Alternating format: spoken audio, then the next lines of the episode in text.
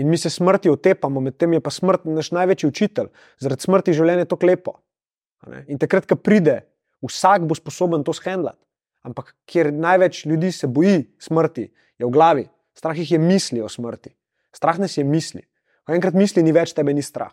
Ko si v situaciji, zlomu se boš, joko boš, pač grozen je, grozen. Ampak lahko shendlaš. Najdeš moč v sebi in točno ta moč ti pol da naprej za življenje nekaj več, česar ne bi imel, vsaj jaz ne, če se mi to ne bi zgodilo.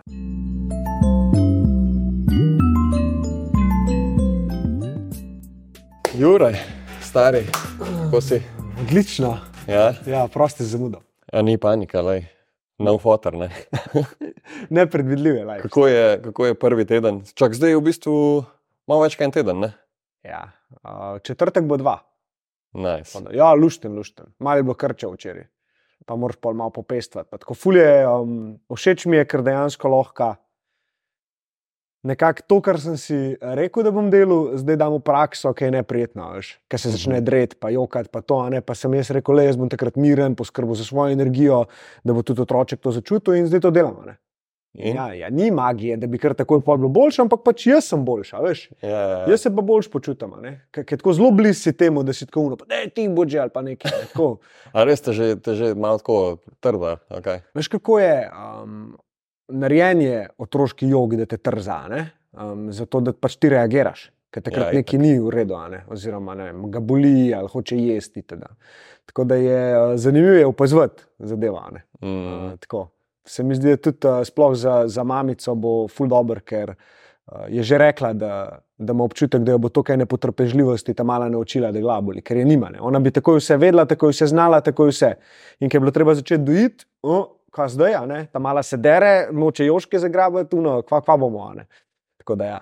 To se mi zdi, da otroci nas naučijo točno tiste stvari, ki, jih moramo, ki se jih moramo naučiti. Ne? Ja, tako pravijo. Le. Tako pravijo, ampak jaz sem tako zelo nerad poslušam, pa dajem na svete, če jaz tega nisem doživel.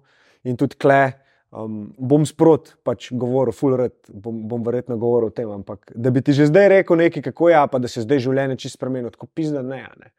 Kar pričakuješ, pa um, nekako si že videl vzorce pa ostalih, kva se dogaja, ampak pol pa pač sam tvoja izkušnja je tista, ki ti bo dala ne, um, mm. lekcije, pa boš lahko to delil. Tako da se full veselim. Ja. Zato sem te hotel vprašati, da se je kaj ti spremenil, ko live od, v teh dveh, tednih, oziroma tednu pa pol, kar imaš. njo? Ja, um, največja sprememba, ki je in je šla ful bolj na pozitivno smer, kot sem mislil, je, da zjutraj, ko vstanem, um, z veseljem poskrbim za, za njo, pa za mamico.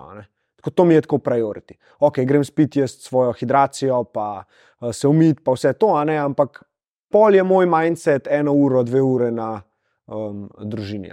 Mm, Tako da ta, ta se mi je spremenila, ker prej je bil na meni. Prej je bilo dihanje, sprehod, tuno z glavo, tam pr stvari.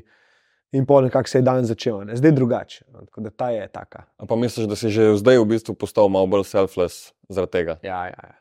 Pa ko mi čakam, da domov pridem. Tako To mi je tako. Uno.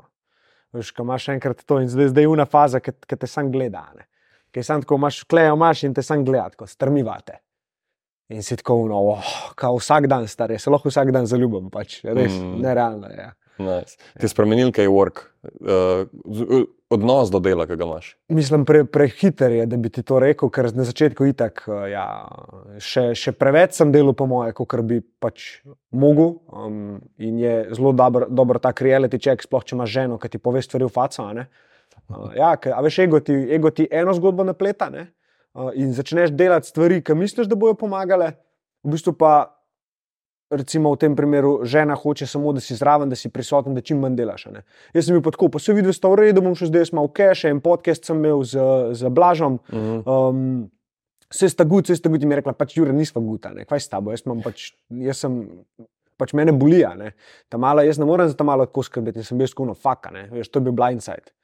Uh, tako da ja, mislim, niti ne razmišljam o delu, ful, ful imam srečo, oziroma srečo v tem smislu, da smo se dobro pripravili tudi na to, ne, da je ekipca uh, spremna, da se razvijajo neki projekti že naprej, da smo pripravljeni, da Darja pohendla, da Ažbe pohendla, da Jure pa Madej pohendla vse svoje in praktično ne rabimo konstantno več prebijati v blokado, pa rastati. Mm. Zdaj smo v neki taki fazi, kjer se zadeve um, malo predalčkajo. Po eni strani neko novo storitev odpiramo v sklopu underdoga, pa po drugi strani, da funkcionirajo vse zadeve, ki jih rabimo za ongoing. Torej, jutri imam workshop, recimo, uh, sem si ga tako naštel, da ni jih bil takrat, ki je bila Ana um, v prvem tednu. Um, tako da ja. Na ta način, na ta način sem jaz spremenil. No, veliko bolj vnaprej sem mogel selflessly razmišljati. Pa čeprav vem, da bi bilo zdaj le ful dobra šansa za rast, sem bil tako na faketa, nočem biti ta. Prioritete. Ja, ja. Pa tle mislim, da sploh v teh prvih prvih parih tednih, mesecih, tudi letih, je fajn, da, da, ne, da ne zapostaviš tega, ne? ker to je samo once in a lifetime. Ne? Ja, in je, sem vesel, da si to rekel, ker to je bila ena stvar, ki sem. Jaz se včasih vprašam, kaj bi bilo lahko moj potencial regret ne? čez deset let, ker pač samo obžalovati nočem stvari, realno, ne? drugo je vse lekcija lahko. In obžalovanje bi bilo da bi imela ta mala, recimo, pol milijona na računu, pa v 18 letih, jaz bi pa z njo preživel noč cajt in bi to upravičeval s tem, da sem hotel, da ima ona pol milijona na računu. Ne? In sem rekel, jebeš teh pol milijona, stari, kakorkoli, četrt, vse vse en. Um, jaz hočem biti s tem bitjem, jaz hočem učiti se, hočem doživeti svet na novo. Hočem biti spet otrok, hočem gledati Tom in Jerry, hočem jesti čokolino. Štekaš, jaz hočem, hočem, da ta moja hčerka ima neko ljubezen tako okoli sebe, da se bo sama akumulirala in, in da jo bo pol sam raztrosla po svetu, tako velike fotorane. Pač res bi rad dal vse, kar znam, zato da bo ona svetu lahko dala tisto, česar jaz ne bom mogla. Se mi zdi no. Pa, pa še to, ne? ta ljubezen, ki ti lahko daš, pa mama.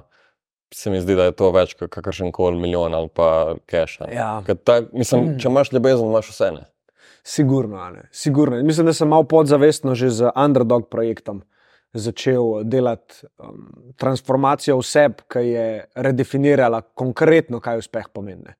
Um, ker veš, sem bil zelo v takem okolju, kjer si dobival ogromno potrditve, če si bil dober. Ne? Digital marketing, marketing nasploh. Pač mi smo dejansko podjetje propalalo iz, iz nule do več milijonov revenue v enem letu. To, to se ni dogajalo nikoli ne, v marketingu.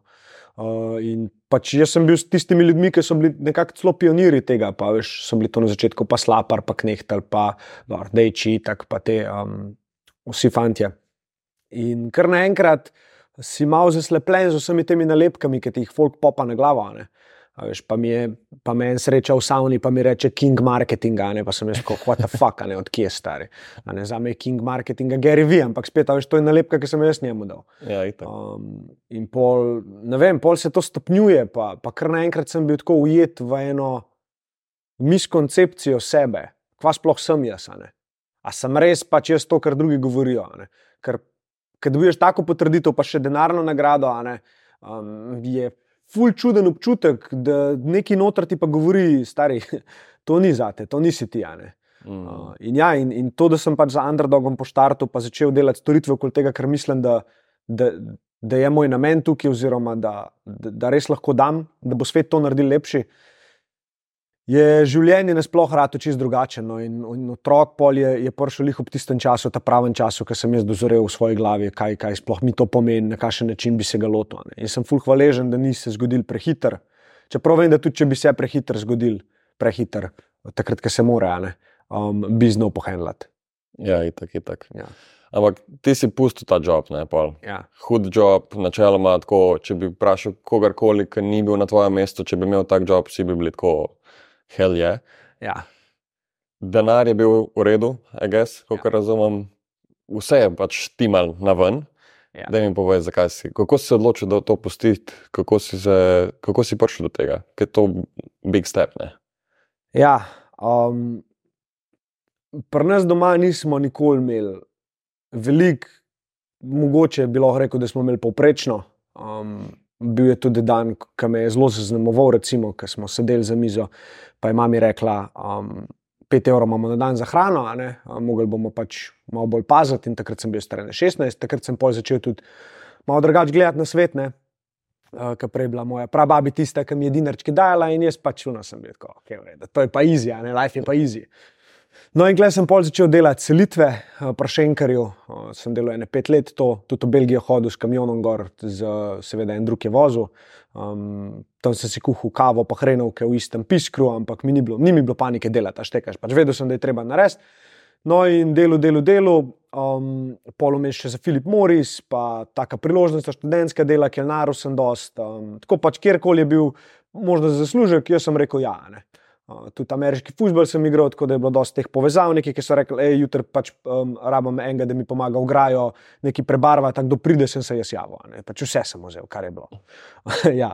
um, no, in pol je prišla ta priložnost, kjer v bistvu je uh, Jurek Nehtel, sva se dobila na kavi, takrat 2016, in mi je rekel, hej, um, mi zdaj delamo digital marketing. In sem mu jaz rekel, ja, jaz sem mu rekel, Jure, vidim, kva delate, ful me zanima. Ne? Jaz sem pa takrat prebral Jab, Jab, Jab, Right Hook od Gary Vee. To je bila prva knjiga, ki sem jo prebral zato, ker sem jo jaz hotel prebrati. Ja, sem jo videl, takoj sem jo videl. Uh, no, in ker sem jaz to knjigo prebral, sem imel občutek, da ta tip, ki je to knjigo napisal, njemu je jasen to, kar je pač tudi meni, fucking resnica. Ne? Um, ne vem, tega mi ni noben povedal, prvič sem prebral in sem bil tako, no, ja, pač točno to, ne, tako se dela. In videl sem ful veliko priložnost v social mediji takrat. In nisem se motil. Ker pol sem začel delati za, uh, za Edstar, takrat je bil še Jure Knehtel tam. No, in v tem prvem letu sem jaz prišel zraven Headstaru z idejo, da bom postavil oddelek za influencer marketing. Ne. Takrat ni noben delal influencer marketing, bilo to? 2016, Ja, 2016 v Sloveniji. še- preden sploh so influencerji ja. bili, a think. Tako, tako. ne. Takrat nisi imel, takrat si imel mogoče, da se je kakšna Katarina Benček pojavila. ne. Pa še to, po mojem, ni točno vedela, koliko bo dejansko to velika stvar. Um, Prosti, Katarina, če si, um, ampak po mojem, da ne. um, v glavnem, in, in pol je v bistvu iz tega influencer dela, da sem jaz začel delati samo influencer marketing, sem ga postavil in je to njim začel ful pomagati, ne pa v glasih, ker Edstar je takrat delal samo Facebook ads, ne? pa mislim, da malo Google adsov. Um, no, in v roku enega leta je Knehtel se odločil, pač, da gre svojo pot z Slaparjem, ker takrat je bil Vigo Shop naročnik od Edstara še. Uh, je šel Knehtel z njim in smo ostali pač uh, mi tam. Um, in jaz sem takrat prevzel pol tudi pozicijo nekakšnega Facebook advertiserja. Ker sta uh, Dejan pa Matic videla, da pač sam z influencer marketingom, sorry, nismo profitabilni, ne, in, in itak. In sem jaz rekel, da naučite me Facebook ads, jaz bi to pač se rad tudi naučil. No, in sem takrat prevzel par, par, par klientov, teh, ki so bolj kitajsko robo prodajali. In jaz to začnem delati, in jaz padem noter, in jaz robot ratam, ne. mašina. Jaz sem pač po 17 ur, mislim, tudi po, to je bilo kasneje, ampak že takrat sem tako, jaz sem hotel delati. Jaz sem hotel postavljati kampanje, hotel sem kreative menjati, kanvo sem imel odprto, sem našel po 200 kreativ, 200 glasov na dan postavil, gremo. Refreshu, en evro na konverzijo. Tega zdaj pač ne vidiš več. In takrat je bilo to uno, pač uno, wow, wow, wow, wow, wow a ne. In, in, ja, in, no, in iz tega pol sem nekako dubu, um, sem nekako dubu Shine Brown projekt, ki je bil pa tako moj, uno, po moje, da, una, veš, uno, v lifeu jaz verjamem, da pridejo priložnosti, ki ti bojo pač življenje konkretno spremenili. a ne. In Shine Brown je bila ena izmed teh priložnosti in jaz sem to priložnost vzel. In jaz sem tam na začetku delal vse, od uh, kopijev za oglase, do isko, iskanja influencerjev, do um, organiziranja šutingov, do UX-a, do uh, fucking kopija za na website, do e-mail marketinga, sam sem se ga naučil, vse postavo. Ne? In ti si začel rasti, rasti, rasti, rasti. Rast, ne? no, in v roku ne vem, treh let je bil ta projekt tako velik, da sem jaz vodil 50 ljudi na tem projektu. ne. Več kot 8000 sodelovanj z influencerji, pa pač pospendali smo milijone v advertising. Ne?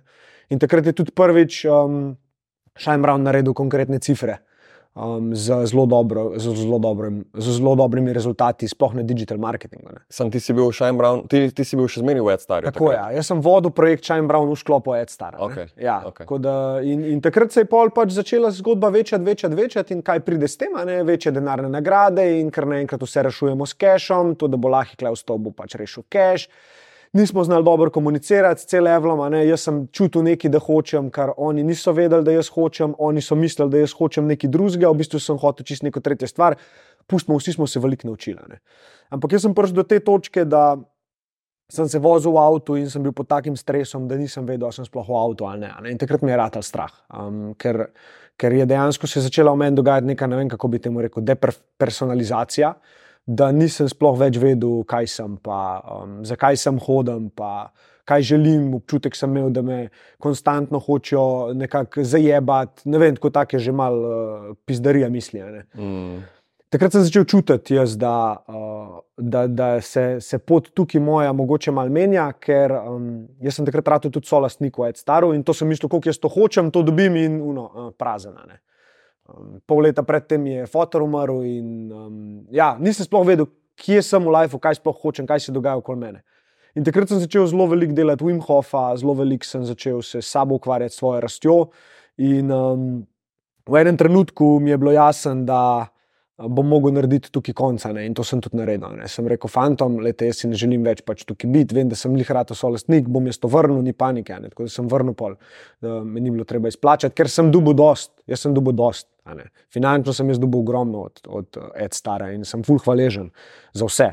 Um, ampak vedel sem pa, da ne morem več biti v tem okolju, da, ne morem več, da, da, da me čaka nekaj več, nekaj, nekaj svojega. Ne.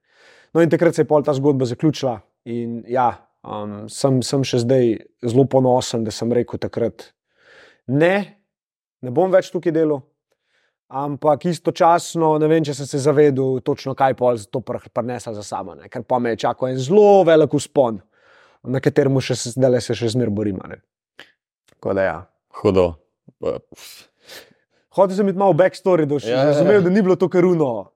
Ok, odrežemo. Vse to, vse to. Mislim, ful me zanima, koliko časa si sprejemal to odločitev. Ko, ka, Mhm. koliko je trajalo tega, da si bil ti tako, fakt, mogoče tole ni za me, oziroma mogoče to ni dobro za me na dolgi rok, do tega, da si rekel, zdaj pa dost.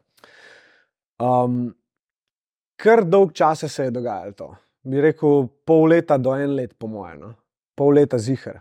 Ampak jaz pravim, da imamo dve entitete vse, če ne več. Ne? Ena entiteta vedno posluša, ena vedno govori. ne. Veš, vedno imaš en glasek, ki ti nekaj govori, kva narediti, koliko si slab, koliko si dober in tako dalje. No, in ta glasek se vedno spremenja.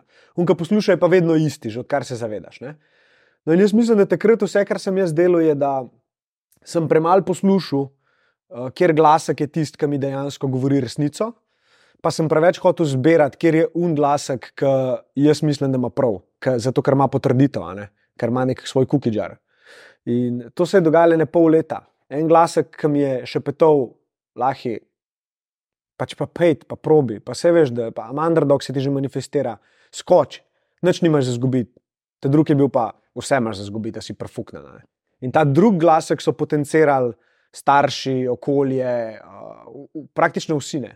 Jaz sem bil v očeh ljudi, sem bil idiot, pač res, neko obdobje. Ne. Kva si ti naredil, budala? a Ne. Jaz sem takrat zaslužil pač več, po mojem, kot en dober, dober direktor, ki se je 20 let boril za položaj. a ne. Tako. In sem bil tako, no, ja, vem, ampak pač pizde stari, ta glasek, jaz ga ne morem, ne morem ga skenslati, govorim skozi. In to je bilo pol leta, pol leta, pol leta. Dokler, in klej ful verjamem enemu reku, dokler ni, ba, ni bila bolečina v stanju, v katerem sem, večja od bolečine pred spremembo. Se pravi, se pravi, bolečine, ki bi jo prenesla sprememba. In takrat sem se pač odločil in to naredil. In nisem vedel, da imam prav. Vse to ne. Ja. Ja. Zmeri, zmeri je ta bolečina, v bistvu glih to moraš, moraš spremljati. Ne? In če bi ti ustal v tej bolečini, ker včasih je tako, da je ta, te zunanji glasovi okolice, staršev, kul- kulture, nač- načeloma, tako naprej, so lahko močnejši od, tega, od te tvoje bolečine. Ne? Mhm. In jaz Ampak- rečem, prav, da so stari. Prav, da so, zato ker nisi še redi. A veš, nisi še redi. a ne. Če bi se to meni zgodilo en let prej, bi se zajebil v mojih očeh. Aha. Uh, In mi je tudi dal lekcijo za naprej, ker verjamem, da mi bo vesolje dal tisto, kar si zaslužim, ko bom pripravljen. Veš, da bi imel tudi jaz zdaj že svoj clothing brand, pa ne vem, kva vse, pa community tazga, ki ne vem, kdo bi lahko ga primerjal. Recimo Selakoviča, ne. Pač me- meni je to fulu všeč pri njemu, a štekaš, malo je takih ljudi, ki ima dejansko tak community in on vem, da ga je zgradil, mm. kot Gary. In, in vem, da si zasluži to imeti. Ampak tukaj je neka pot od zadaj. Ne, mi bi pa to nekako mi, mi še nismo tako hudi, ampak generacije, ki za nami prihajajo, bi imeli pa to takoj. In mi je ta, točno ta lekcija dala vedeti, da bi lahko zadeve prišle prej, ob nepravem času, ne bi bil na njih redi, pa bi jih zajebo. Ne. Največji dar je lahko tudi največje prekletstvo. Ker če ga dobiš takrat, ko nisi na njega pripravljen, kako boš znal z njim upravljati. Mm. Recimo tudi velike vsote denarja so en zelo dober primer, ne folk, ki zadane na lotu, se ne zna z njim delati, zato ga pa spuši. Ali pa M te NBA igralci, recimo, ne, ki so cel, cel life revni, pa, pa dobi pa 18, par milijonov. Tudi, zdaj je sicer boljš, ne, zdaj jim dajo že tako iz, iz prve jim dajo finančne svetovalce, pa ljudi, ja. ki to čuvajo. Ampak včasih vem, da je bilo tako, da večina jih je šlo, je so bili brok, še preden so sploh Ja. ja. dejansko dobili ta cash. Ne. Ja, pa veš, kaj je ena taka stigma, da um, pač zaupi ljudem, ki si z njimi cel life. Ne? In kdo so to, ki ti prideš z geta? Ne? Ja. To so pač barabe okoli tebe in kako ti bojo oni pomagali. Ne? Ampak oni ti pa govorijo, a zdaj boš pa zaupal enemu belčku ali pa ne vem, črncu, kako koli so vse. Ker ti bo govoril to, kar ti jaz govorim že cel life, njemu boš pa zdaj verjel. In ja, ne vem, če si gledal serijo Ballers. Ne. Si gledal, Ne, da roka. No, tam not je dosti takih scen in je ful dobro za gled, kot je dejansko neka resnica od zadja. Ne? Hudo. Um, ja, in, in ker si ti redi za neko stvar, ti jo bo vesolje dal. Zato pač je treba biti potrpežljiv in kontrolirati situacijo, v kateri si. Kaj lahko naredim s tem, kar imam? Ne kaj, kaj bi lahko naredil, če bi imel unga več. Veš, jaz bi underdog lahko čist drugače postavil, če bi imel milijon na računu. Pa ga nimam, jaz sem to naredil z nule. Ampak kako sem ponosen na to. Pa če si ne bi želel, da je drugače. Ker, ker pač ne, ne bi bila to zgodba za me, ki jo čutim že vedno, da je moja zgodba. Nek, pač res nek človek, ki je, ki je nekaj zgradil, zato je on tako mislil, da je prav in, in za sabo potegnil ogromne pozitive in ljubezni dal zaradi tega. Ne. Ko pač, kaj enkrat gradiš projekte samo zato, ker bi rad pomagal res ljudem najti tuno ljubezen, da jo lahko dajo v svet, pa drug drugemu pomagajo, pa gradijo stvari, ki jih čutijo, ki jih zaznavajo, se mi zdi, da bo kolektivna zavest lepša in, in da bo svet premaknil to v lepšo, v lepšo sfero. Se mi zdi, da se že prebuja, že s tem, kar tudi ti delaš. Mm. Ja, ne. Kaj Pa, kako, kako si pa pol štartov, oziroma zakaj, zakaj pa kako si štartov underdog? Mm. Ha, ha, ha, dobro vprašanje, stari. Um, jaz sem vmes pol imel še Buzzwords, a ne? in to je bilo v enem letu pač 10-12 klientov, ki sem jaz svoj ime dal za njih, je v enem mesecu skenslal nas, ne? ker nismo bili sposobni pač, um, na TikToku jih, jih boostati, tako kot smo mislili, da se bo to zgodilo. In kle so te etikete, pa nalepke, pa pričakovanja od družbe, ki ti sperejo možak. Jurek Nehtel, Jure Laharnar, Mitja Sovič. To bo zdaj le razfukane. To ne more fejlati. To ne more fejlati, kaj s tabo, to bo naslednji big thing v Sloveniji, gremo on board, idite da uno gor do tretje. In to smo tudi mi mislili, s polnimi jajci notrne. Kje bomo zgubili lejne stari? Lahko kreativo, knehtel, um, um, oglase, idite da naštudiramo, to bomo sam rastali. Gremo takoj po kader, ja, 10 ur na mesec, takoj za plače, za kvapane. Eno Rusinjo smo dobili za creative strategistko, a ne? Anastazijo, drugač full legenda. Um, oglaševalca za dva ura pa pol na mesec, ni panike, mi bomo že to, zdaj bo to zdaj eksplodiralo, razumeš? V enem letu smo mi na desetih milijonih. A, ni šlo česa, ne. Um, in tukaj je bila noter skrita ena zelo lepa lekcija, sploh za me. Um, da pač, če hočeš ti res tisto, kar ti je namenjen, pač ti ne bomo teh šajnih objektov pomagali realizirati, ne vem, neke entitete, kdorkoli. In boš fejlu, dokler ne boš pač manifestiral tega, kar si rekel, da boš. In to je bilo, da 100% prevzamem odgovornost za svoj biznis in začnem graditi nekaj svojega. No, in potem v enem letu sem jaz pač zgubil kar neki par deset tisoč evrov, rečemo. Svojega keša. Ja, uh, plus še Jure, plus še Mitjane. Itak, itak, tako je stari. veš. Um, no, in pol sta se ona dva odločila, da gre sta stran, jaz sem pa rekel, le bom jaz to obdržal. In sem pivotiral. In zdaj v bistvu že šest mesecev delamo z, um, z enim podjetjem, ki je fully zadovoljen in v bistvu furamo jim kampanje za influencer marketing. Um, pa odpiramo nove trge z influencer marketingom, in pa gradimo jim interno um, oddelek za influencer marketing, da ga lahko poloni sami prevzamejo. Je to zelo dober biznis model. To se pravi, ti še zmeraj imaš buzzwords, Ja. sam si čist zamenil, zamenil smer, v katero greš. Ja, ja in, in, in pije vodo. In zdaj tudi eno punco imam, ki je full pridna, um, ki rastura.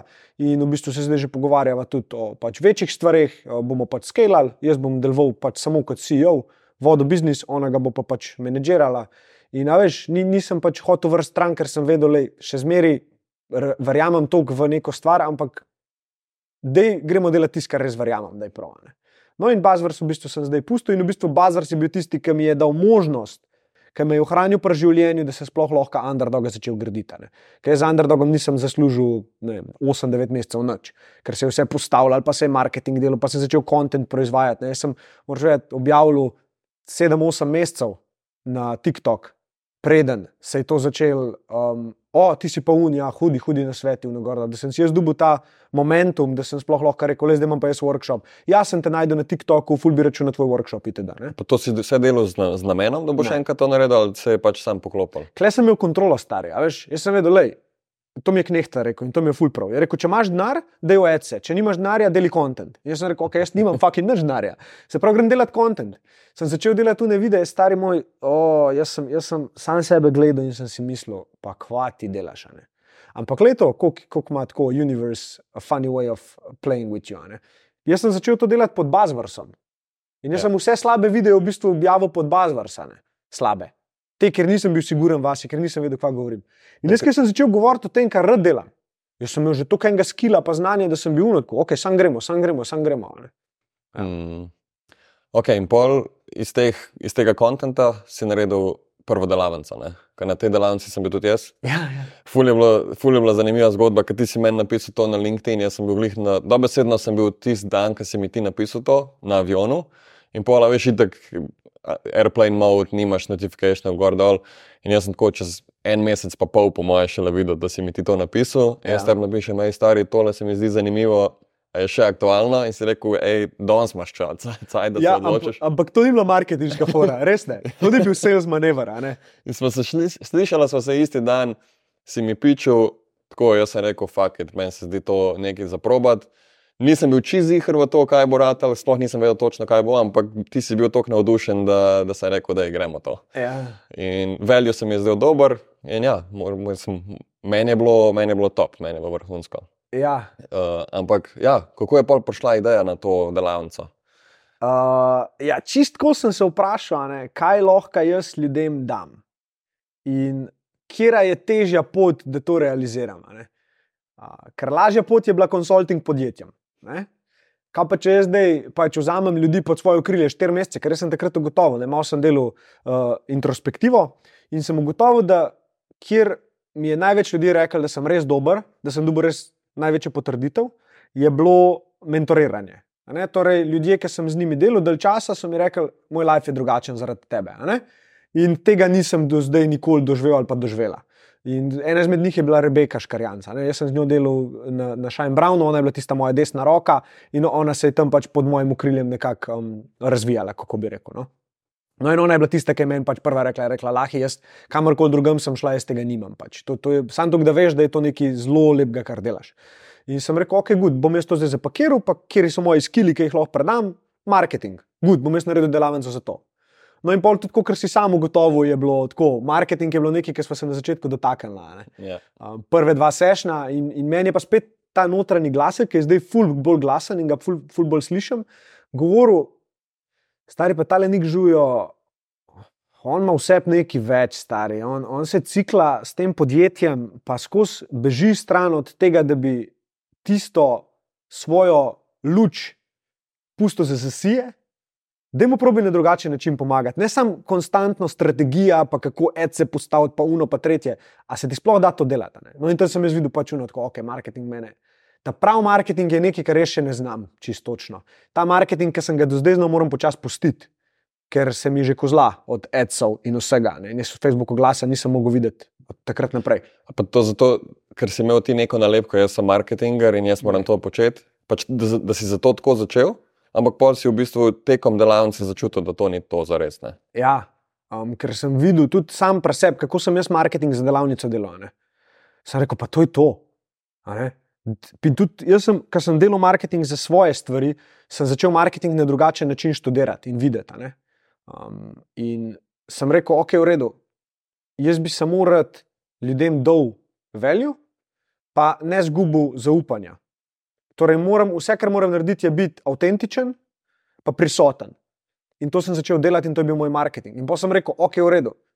A je to to, kar, kar oglasi namigujejo? Ker pri oglasih je bil vedno brainstorming, kako bomo folk prepričali, da kup. Jaz sem pa se sprašval, kot sem pol od Seth Godi na quote slišal: ne? Marketing is giving people what they want. Torej, kako jaz zdaj ljudem lahko dam tisto, kar oni iščejo. Tako, da riskiram, da bo teh ljudi pač manj. In se bojo najdel okoli mene tisti, ki jim dejansko lahko pomagam. In to se je zgodilo, recimo pri tebi, imam res en tak občutek. Mm. In, in bi ti na tej točki rad do eno darilo Kva? in ti, Ja, thanks. in ti rekel, da sem ponosen na te, kako si um, spremenil pogled na sebe skozi workshop, skozi stvari, ki si jih delal, skozi odnos samega do sebe. In ti čestitam za ta podcast, da si ga začel. Vem, da je to pogumen korak, sploh za te. Uh, in ti želim samo najlepše stvari, ker imaš veliko več zadat, kot si je tvoja verzija tebe pol leta nazaj ali pa en let nazaj mislila, da ima zadat. In to se je zdaj začelo odpirati. In bi ti rad poslal samo ogromno ene energije, ki te bo sam še bolj gnala. In ti bi rekel hvala, da si mi pokazal, da imam jaz tudi lahko um, um, pozitiven vpliv, če sledim temu, kar mi pač notranja inteligenca govori. Ej. Hvala ti, ful. Um, ja. Jaz bi rekel, da, da si mi, ti, kar, si, kar sem jaz dobil od tvoje delavnice, predvsem, in od pač vsega tega, kar smo mi dva imela, neke sešne in take stvari, je to, da si mi, sicer se sliši čuden, ampak ti si mi dal dovoljenje, da lahko te nalepke, ki sem jih jaz imel oseb, začnem od, odlimavati. Mm. In tako kot sem že ena parkrat v tem podkastu rekel, jaz sem imel fulno to močno nalepko, jaz sem zdaj osebni trener, jaz sem trenerstvo, vse tako gor dol. Ampak tako deep down, mogoče tega ne čutim več na tak način, kot sem včasih. Pač ja, je del mene še zmeraj, ampak ni to to. Ne? Ampak ti si mi. Ampak ja, istočasno pa nisem imel jajc, dobesedno, da bi lahko govoril o nečem, kar ni povezano s tem. Mm. Ker sem jaz, kot kdo sem jaz, da bom zdaj govoril o podjetništvu, o seksu, o vem, vseh možnih tematikah, Mm. ki niso bile vezane s trenerstvom. In ja, se mi zdi, da to je ena taka. Ne? Mm. Če bi mogel distilirati, kaj si mi ti dal s to delavnico, je to, da si mi dal dovoljenje, da lahko odlimavam nalepke, ki jih imam. Mm. A sem ti ga dal jaz, ali si ga dal ti?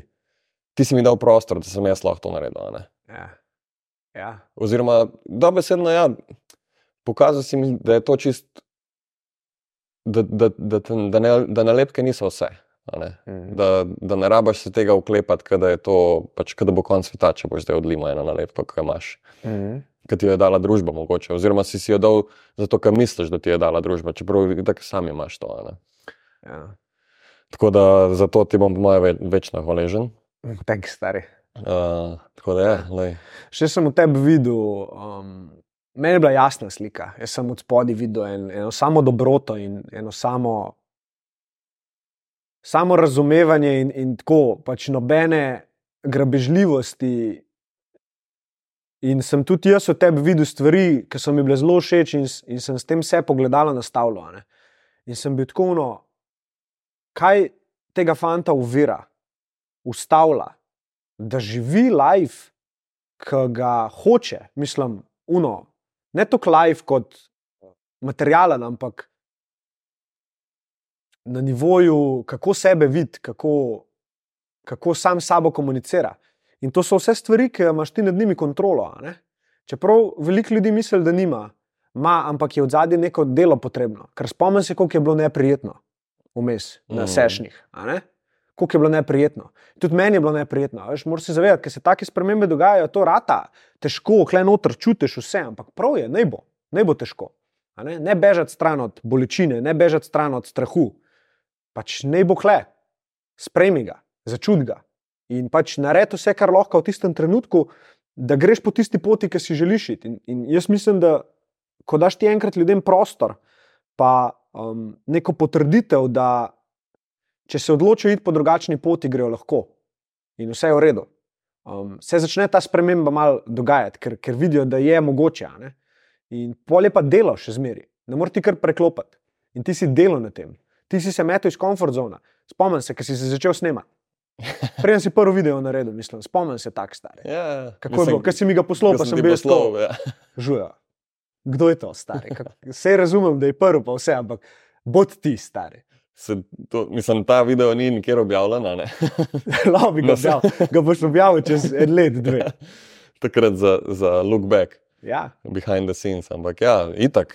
In tudi tisti vi- prvi videi, ki sem, ki sem jih objavil, so tako malo cringy, ampak lej. ja. In tudi, le, kako um dela. Ne? Ti si mene sprašval, aj to v redu, aj un v redu, a bi dal pod napise, ne bi dal napise, sr kažujo. Fakin objav ta video, stari. Pa, lej, vse en je, razumeš, ker, ker itak je to vse ena. Ne? In si pol pač uno, ja, ok, ok, ok.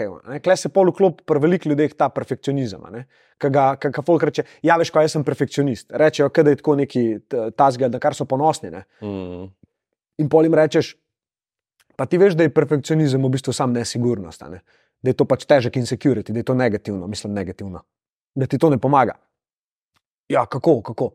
A ti perfekcionizem da možnost, da ti nekaj narediš, ali ti perfekcionizem da možnost, da razmišljaš o tem, kako boš to naredil?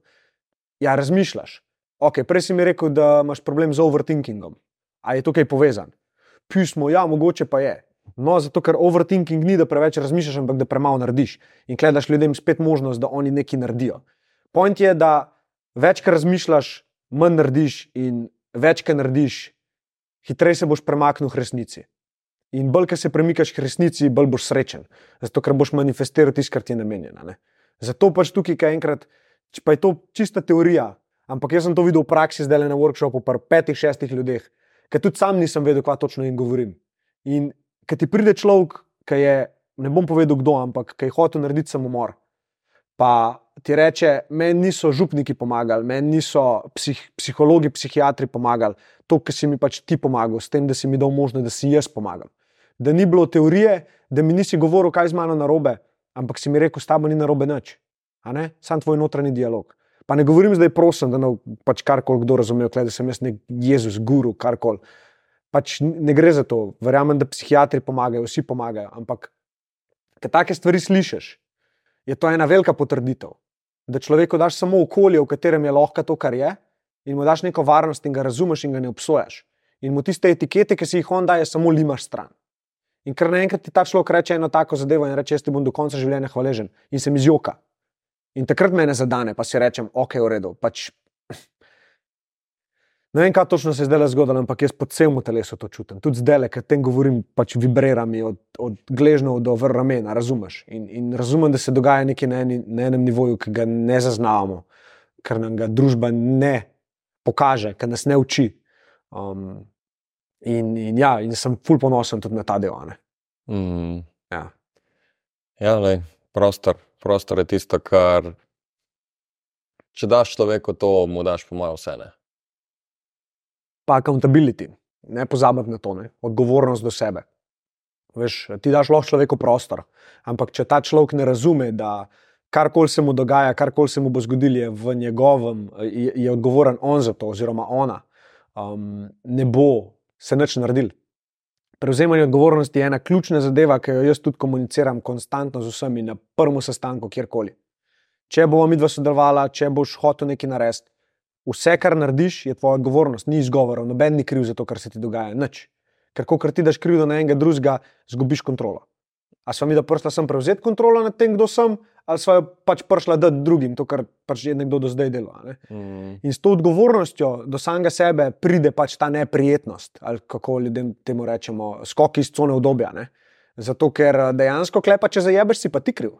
In ja, ljudje se morajo naučiti biti krivi za to, da so nekaj zajebali.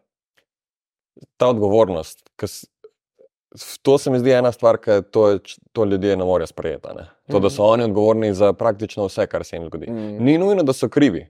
To se Ja. pravi, ti nisi kriv, če si se rodil recimo, v družino, kjer ni bilo denarja. Mm. Si pa sam odgovoren zase, da to mogoče spremeniš na nek način. Exactly.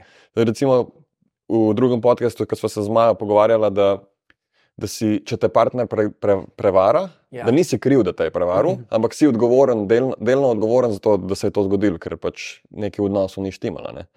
In pod unim klipom na Instagramu, to se je usul komentarjev, pa vsi so bili tako, a zdaj se pa spodbuja varanje. a ne. Ampak ni bilo niti to point, ampak point je samo to, da kar se je spet dokazalo, da folk noče sprejemati odgovornosti za sebe, Mhm. pa za svoje stvari, kar se jim dogaja. a ne. Ampak zakaj? Mislim, Zakaj? Zato, ker je lažje. Ja. In, in, in ljudje ra, radi izberejo lažjo pot, ne težjo. Um, težja pot je tukaj, v tem primeru, ki pride do varanja. Okay. A sem jaz sposoben zdaj razumeti, zakaj se je to zgodilo, da je tukaj neka lekcija za me skrita. Ne?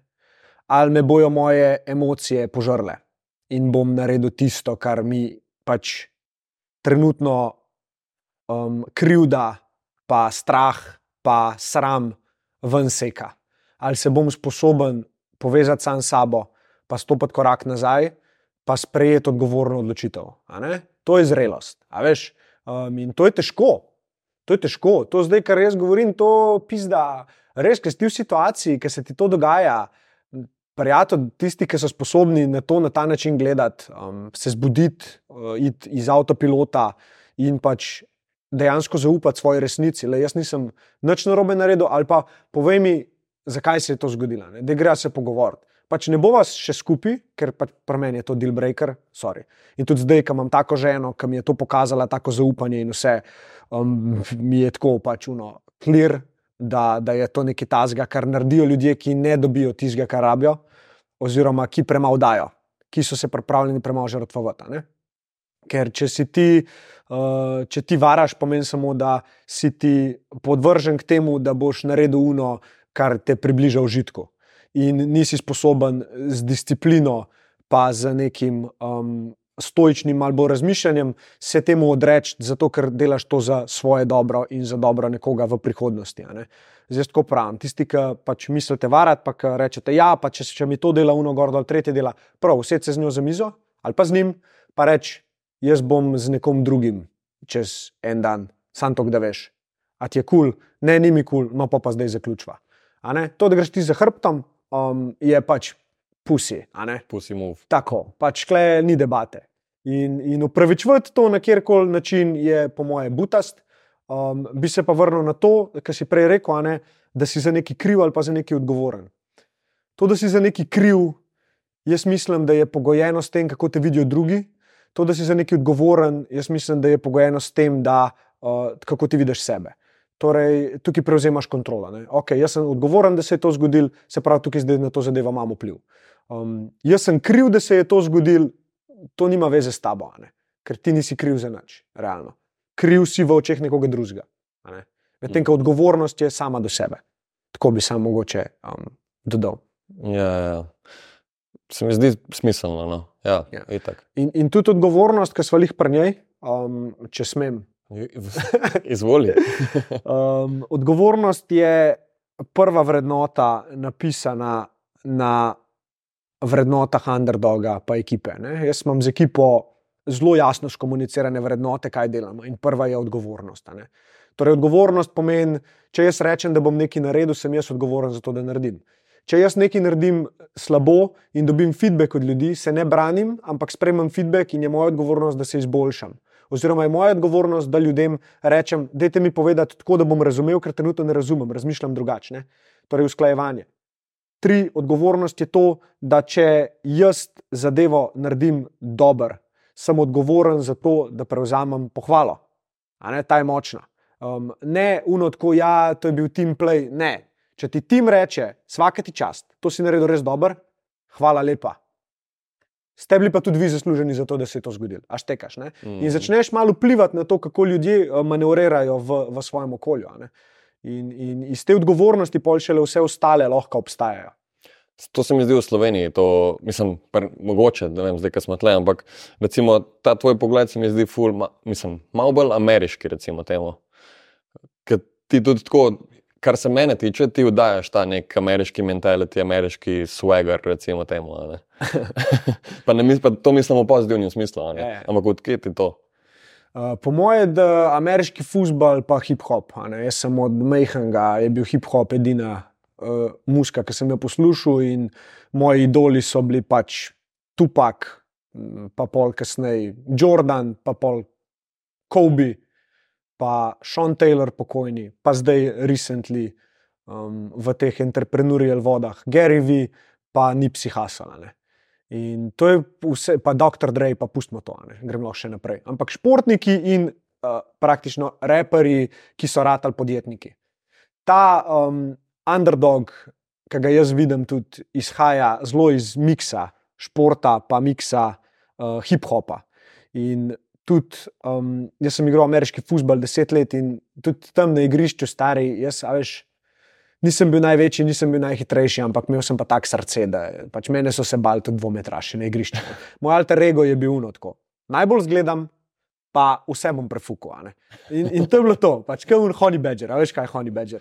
Te, to so te, kako brejejo. No. A ja, ja, ja, Ja, ne. ne. nekaj. Ki- Ja. ni- Oni, njih ni ne- strah ničesar. ne. In to sem Ja. bil jaz na igrišču. ne. Ampak zanimivo je, koliko je bilo mene strah v tisti situaciji. Strah, da bom falil tekel, da bom spustil žogo, da mi bo en dal touchdown, da me bo eno sramotil, da mi bo en ankle breaker spustil. Štekaš, konstantno je bil ta strah prisoten. Ampak zdaj, ko nazaj gledam, sem gotovo, da jaz sem vedno imel dedication do sebe, odgovornost, da ko stopim na igrišče, ne stopim dol. Fajtam, grem v strah, grem v, v, v sram, grem v vse, vse, kar pride, zdaj šele to vidim. Ampak jaz sem bil takrat konstantno pod neprijetnim feelingom. Jaz sem se zjutraj zbudil med tulčki, štekaš, meni je bilo strah vsega. Pač konstantno v ne misli in posel se šiftale, šiftale, šiftale. In zdaj sem imel na podkastu svojemu, sem imel Jakoba Nedoha. In mi je bilo zanimivo, ker je začel govoriti o tem, kaj grejo fajteri čez pred fajtom, sem videl fulejnih povezav. Mm. Ampak eh, ja, če boš pogledal moje slike iz ameriškega futbola, stare kopačke, superge sem imel vedno najlepše, mislim, v mojih očeh. Vedno so bile flashi, sliv, majčka vam gledala. Veš, meni so sodniki med tekmo govorili, pač Mr. Laharnar, tuck in your shirt, ne, in sem jaz rekel, what are you, fashion police, ne. In a veš, eh, jaz sem bil nekonekten z njimi, tako da mi ni bilo treba pač tega dati noter, a ne. In se je vprašal, zakaj me pa on lahko majico ven, pač zato. Pos- Rekel sem mu stokrat ne poslušaj. To sem bil pač jaz, upornik uh, v, v velikem pomenu besede. Kaj je Ellen Iverson? Kaj je le najvrsten, prav. Ja. A ne, In tudi iro- irokeze so bile vedno. Že ko sem bil majhen, me je fotor štrihal na modro, X mi risal po glavi, črte, puščice. Um, ne vem, pa so prišli tako tatuji. To je bil, vse čas je bil to en del mene. Pa ne vem točno iz kje izvira, ampak ja, jaz sem tudi v osnovni šoli freestylu, je prišel ven uh, ta 8 um, mile. Sem hodil en teden po šoli, sem mislil, sem Eminem, a štekaš. pač faketa. Ne? Ampak še zmeraj je to en tak del mene, ki sem ga zdaj. Nekako nisem ga izpodrinil, ampak mi tudi zdaj, kot si zdaj opazil, si rekel, zmeraj je nek ta swag zraven, nek ta uh, prizvok. Um, uh, Pač embrace si ga tako, da ti Ja. služi. Ne? ja, to, to, to. to. Ja, ja. prav, ja. Hudo. Ja. A pa bi rekel zase, da imaš nek chip on the shoulder. Da je bolj, bolj, malo bolj, specifičen. Če, če te kaj tazga driva, ki bi, ki bi hotel dokazati ali sebi ali svetu, da si ti recimo sposoben tega, čeprav mogoče ti sam ali pa svet ne verjame, da si. Mm. Hm. Imel sem ga, mislim, da.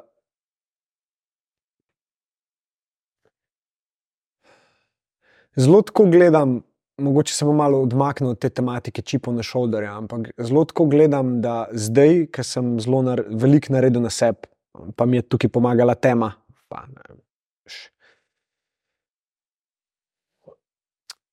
Ko pomislim na trenutke iz prihodnosti, torej, ko gremo v neko vizualizacijo in vidim, kje dogodki dejansko me spravijo v solze, ponosa, um, je teh dogodkov čez dalje več povezanih z mojimi otroki. Vidim njih, da delajo stvari, ki sem mislil, da jih bom jaz delal. In je tako malo mindfuck. Ne? Tako nekako sebe vidim kot nekoga, ki je bil sposoben dati toliko ljubezni in toliko odpirati, da je pač šlo to naprej. Ne? Um, in nimam čipa, ker se zavedam tega, da ko bom v situaciji, ki bo zahtevala od mene karkoli, bom vedno dal vse od sebe, da bom naredil tisto, kar je prav. In da razumem, kaj pomeni biti dober človek, ker nisem vedno bil, um, je bil pa vedno v meni. In zdaj vsakič, ko pride situacija, kjer moram narediti nekaj, kar je neprijetno, kjer moram svajtati vem, smrt, recimo, kjer moram svajtati neprijetne občutke, um, si pustim v tej situaciji biti in verjamem, da bom vedno odreagiral tako, da bo za situacijo najboljš po svojih najboljših močeh. Mislim, da ta čipo na shoulder je povezan dosti s pričakovanji. In jaz do sebe nimam neki pričakovanj, če jih sploh še kaj imamo. In to je posledica prepričevanja samega sebe štiri leta. To so pričakovanja, tega nimamo. Ne? Pustimo, kar se bo zgodilo. Seveda, neka pričakovanja imaš od partnerja, od, ampak je vse povezano z vrednotami. Um, Medtem, ko ta del, tako bom rekel, ni me strah, da ne bi mogel nečesa narediti. Ker verjamem, da sem sposoben in da so mi velike stvari namenjene in mi bojo dane, ko bom na to pripravljen. Zato, ker velike stvari zahtevajo veliko moči, veliko odgovornosti. Um, in občutek imam pa vseb že odvedno, da, da bo nekaj velikega. Ne vem kaj, ne vem kje, ampak občutek imam, da bom velike stvari naredil za, za sebe, za ljudi, kako koli. Ujerd je. ne, mislim, make sense kar se, mislim, tako, meni se zdi, da ima smisel, no, kar si povedal. Pa tudi se mi zdi, da si tak človek, verjetno na pretepno znotraj je malo drugačen, ampak jaz, ki tebe gledam, me zgleda, da vse, kar ti delaš, zgleda easy. Ja, mogoče pa ima to spet veze s tem svegarjem in z vsem tem, ampak ne vem, se mi zdi, da imaš nekaj, ki ja, dejansko narediš tako, da zgleda easy, čeprav mogoče ni ne. Mm. Deep down. Ja. Mm. Zdi se mi, da sem začel pokazati tudi, kaj je težko, pa je bilo to v obliki mogoče kdaj tudi videa. Um, pa sem govoril vedno resnico in tudi Ažbetu rekel, kaj je pač on imel v glavi shooting day, pa sem bil tako v lowest pointu, ker nisem vedel, ali mi bo ratal splavati, ali bo delavnica razprodana ali ne bo. Ja, on je rekel, jaz bi te posnel tazga. In sem rekel, zakva stari, to je, kva, kva ne ti dama, ne? se je uklapljal v meni. Je rekel, zato, zaupi mi. In sem rekel, ok. In smo posnela dejansko ta moj beach voice, oziroma lower state of energy, um, kjer je bilo ful težko. Sva ga posnela na kamero. In jaz, ki nazaj to gledam, sem tako uno, wow. Tudi to je del mene. To si objavil? To je, bilo, to je bilo na, na YouTubu objavljen, mislim, da prvi del miniserije Underdog. A, okay. uh, se pravi, ne vem točno, kaj je, ampak ja, o tem govorim, ti bom pošeril še enkrat. Dej, mislim, da je desetminuten klip, ki je v bistvu povzetek um, teh treh mesecev, štirih mesecev dogajanja iz prvega do drugega workshopa. In tam noter je ta, je ta scena, kjer, kjer sem jaz kot čist down. In me sprašuje, če sem srečen. In, in je moj odgovor, srečen sem, nisem pa miren. In v tistem sam vidiš, kako se neki posvet. In, ampak razumem, da je lih ta nemir to, kar me bo pripeljalo do naslednje stopničke. In jaz, ki sem to nazaj gledal, sem bil tako, ja, zdaj marolince spet dobivam. Sem bil tako, no, fuk je lahi stari. Ta del mene, ki ni izi, je čudovit. In zdaj, ki sem v tem modelu, si pustim biti v tem modelu, ker razumem, da je to pač neka verzija mene, ki je za tisto situacijo najboljša, ki zna situacijo najbolj shendlati na tak način. Zato tudi ljudem ne govorim, da bi mogli biti srečni ali pa unotko. Ne, zbud se, bod srečen, tako ne, stari. Sprejmi točno tako, kot je. Stari, tudi ta verzija tebe, tudi njo moraš metrati, tudi to si ti. Sem enega, ki sem mu to povedal, pa je bil tako, no, wow, spomnil sem na ta način dojemo. No, in čez dva meseca sem povedal, ti v bistvu nisi ne ena, ne druga verzija, ampak una, ki je opazila razliko, ne? tisti ta pravi. In spet, oh, fuck, stari, kvasi mi povedal, zdaj sem tako, veš, to je človek, ki zelo rad pokaže. Tako da je, uizi, uizi, uizi. Ja, ja hodo.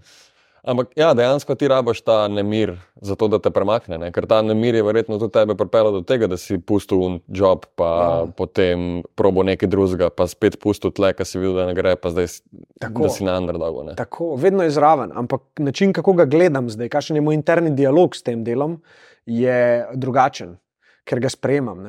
Um, Lihzan sem neko idejo dubo gor, pa jih pol malo zdarijo, zapiševa, pa ona da to v newsletterje, pa poste na LinkedIn. In sicer je bila ta, kako konstantno iščemo, ko smo v tej fazi nemira, kako iščemo samo mira. Ne? Ampak kaj pa, ki smo v fazi ekstaze?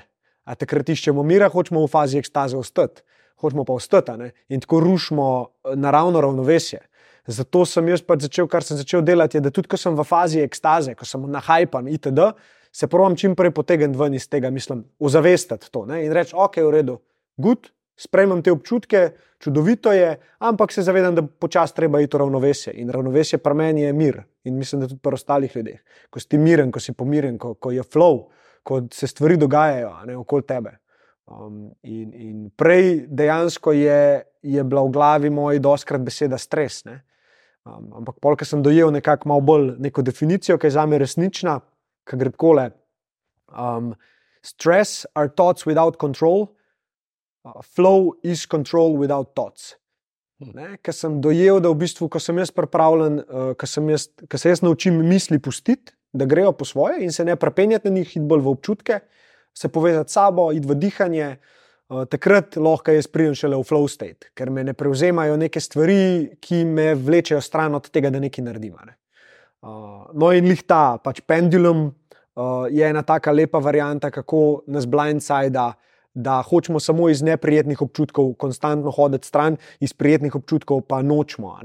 In ni zdaj fora tukaj, da iz obeh moraš hoditi, hoditi stran, ampak se moraš zavedati, da je ravnovesje na sredini. In če hočeš, da je ravnovesje, da obstaja, tako kot je dobro, mora biti tudi slabo.